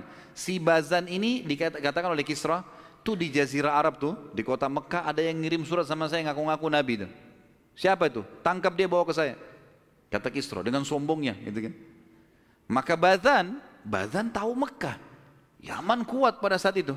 Mekah adalah padang pasir, nggak ada apa-apa. Maka kata kata Bazan kepada dua panglima perangnya, pergilah kalian berdua ke Mekah, ambil tuh yang namanya Muhammad, bawa ke sini kita bawa ke Kisra. Enggak usah kirim pasukan. Pergilah dua orang ini. Ketemu dengan tanya-tanya, ketemu dengan Nabi SAW. Wahai Muhammad, sebelum Kisra kirim pasukan, sudahlah, ya ikut saja dengan kami. Enggak ada gunanya gitu. Enggak usah melawan. Kata Nabi SAW, kalian mau kenal tentang Islam enggak? Saya jelaskan dulu. Mereka bilang silahkan, dijelaskanlah Islam itu begini, begini, begini, semua dijelaskan. Baik, tapi kami yakin Kisra Tuhan kami. Kami nggak akan beralih, gitu kan? Kata Nabi SAW, bagaimana kalau Tuhanku membunuh Tuhan kalian? Kisra diyakini waktu itu Tuhan. Kata mereka bagaimana bisa? Dia bilang, Nabi SAW mengatakan, sampaikan kepada Bazan, pimpinan kalian di Yaman, gitu kan? Kalau malam ini, hari ini, Tuhanku telah membunuh Tuhan kalian Kisra. Bagaimana kau bisa tahu? Wahyu dari langit. Memang Allah menyampaikan. Kalau Kisra dibunuh, Allah membunuhnya pada hari itu. Sampaikan kepada Bazan masalah itu. Kalau seandainya berita itu tidak benar, datang sini tangkap, saya nggak akan ke mana-mana, kata Nabi SAW. Pulanglah dua prajurit ini, Bazan tanya, bagaimana ceritanya? Muhammad itu kita sudah temui, dia jelaskan agamanya begini, begini, begini, beriman kepada Allah, Allah itu Tuhan mencipta langit dan bumi, Esa, segala macam berhubungan dengan Islam dijelaskan. Dua prajurit jelaskan kepada Bazan, Bazan tertarik dengan agama Islam ini gitu kan. Lalu kata kata prajuritnya, dia bilang Muhammad mengatakan, kita tentu mengatakan sallallahu alaihi wasallam kalau Tuhannya telah membunuh Tuhan kita Kisra kemarin. Kebetulan dari Yaman waktu itu menuju ke sana, ya perjalanan sekitar dua pekan, ini sudah dibunuh pada saat itu. Dan dari Madain ibu kota Pers Kisra, itu kalau menuju ke Yaman, satu bulan perjalanan, jauh sekali. Maka kata Bazan, dari mana dia bisa tahu itu? Katanya dia bilang wahyu. Kata Bazan, kalau betul apa yang dia sampaikan, kita akan beriman pada dia. Karena tidak mungkin ada yang tahu berita zaman dulu nggak ada komunik, alat komunikasi bisa tahu tiba-tiba itu bagaimana caranya. Tunggu sebulan kemudian, jadi sebulan setengah setelah kejadian itu, maka datanglah informasi dari Madain kalau betul-betul Kisrah mati di malam itu. Maka Bazan dan seluruh pasukannya, pasukan Persia waktu itu yang berkuasa masuk Islam. Dan Nabi SAW mengakui kerajaan Bazan mengakui kerajaan Bazan ya. Dan pada saat itu uh, Bazan uh, apa namanya? Meninggal dunia sampai meninggal dia dalam keadaan Islam rahimahullah. Kita tidak katakan radhiyallahu anhu karena tidak sempat bertemu dengan Nabi sallallahu alaihi wasallam karena definisi sahabat adalah orang yang bertemu dengan Nabi melihat dengan mata kepala atau bersalaman ya atau berhadapan langsung seperti Ibnu Ummul Maktum buta matanya tapi beliau datang dan bertemu dengan Nabi SAW interaksi langsung maka dikatakan sahabat. Tapi orang yang beriman pada Nabi SAW di waktu Nabi masih hidup tapi tidak pernah bertemu langsung dikatakan tabi'in. Makanya Bazan dimasukkan oleh para ulama dalam kategori tabi'in.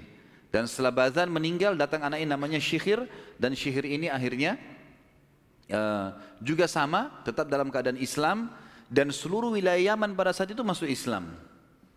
Jadi bukan cuma sekedar pasukan Persianya, tapi masyarakat Yaman juga menjadi muslim pada saat itu. Juga menjadi muslim. Sampai muncul seseorang yang bernama Aswadul Unsi. Aswadul Unsi ini sama dengan Musailam Al-Kadzab yang mengaku sebagai Nabi di zaman Nabi SAW. Di akhir hidup Nabi kan ada dua orang yang akhirnya diperangi oleh pasukan Khalid bin Walid. radhiyallahu anhu anjmain. Sahabat-sahabat ini mulia mereka menyerang Aswadul Unsi dan Musailam Al-Kadzab. Awas Aswadul Unsi ini dia yang membunuh sihir anaknya si Bazan tadi yang sudah masuk Islam. Dia membunuh sihir kemudian dia mengaku sebagai nabi dan dia memaksa Yaman untuk mengakui dia sebagai nabi. Tapi setelah itu dikalahkan oleh pasukan Khalid bin Walid. Kemudian kembalilah beriman kepada risalah Nabi Muhammad sallallahu alaihi wasallam dan alhamdulillah sudah selesai tema kita siang ini dari masuk Islamnya masuknya Yahudi di Jazirah Arab, Nasrani, kemudian bagaimana pasukan, hancurnya pasukan gajah, kisah tentang Abra dan Iriad, pasukan Najasyi masuk, pasukan Persia masuk, dan terakhir bagaimana Yaman ya, yang merupakan tadinya memang basis kekuatan-kekuatan militer ini masuk Islam. Dengan masuk Islamnya Bazan dan sudah kita jelaskan sampai anaknya Sihir pun diakui kerajaannya oleh Nabi sallallahu alaihi wasallam.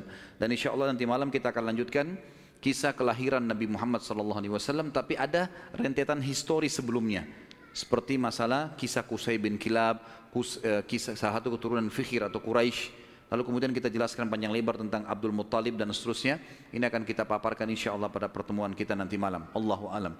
Mungkin begitu dulu. Subhanakallahumma bihamdika. Asyhadu an la ilaha illallah astagfirullah atubu ilaih. Wassalamualaikum warahmatullahi wabarakatuh.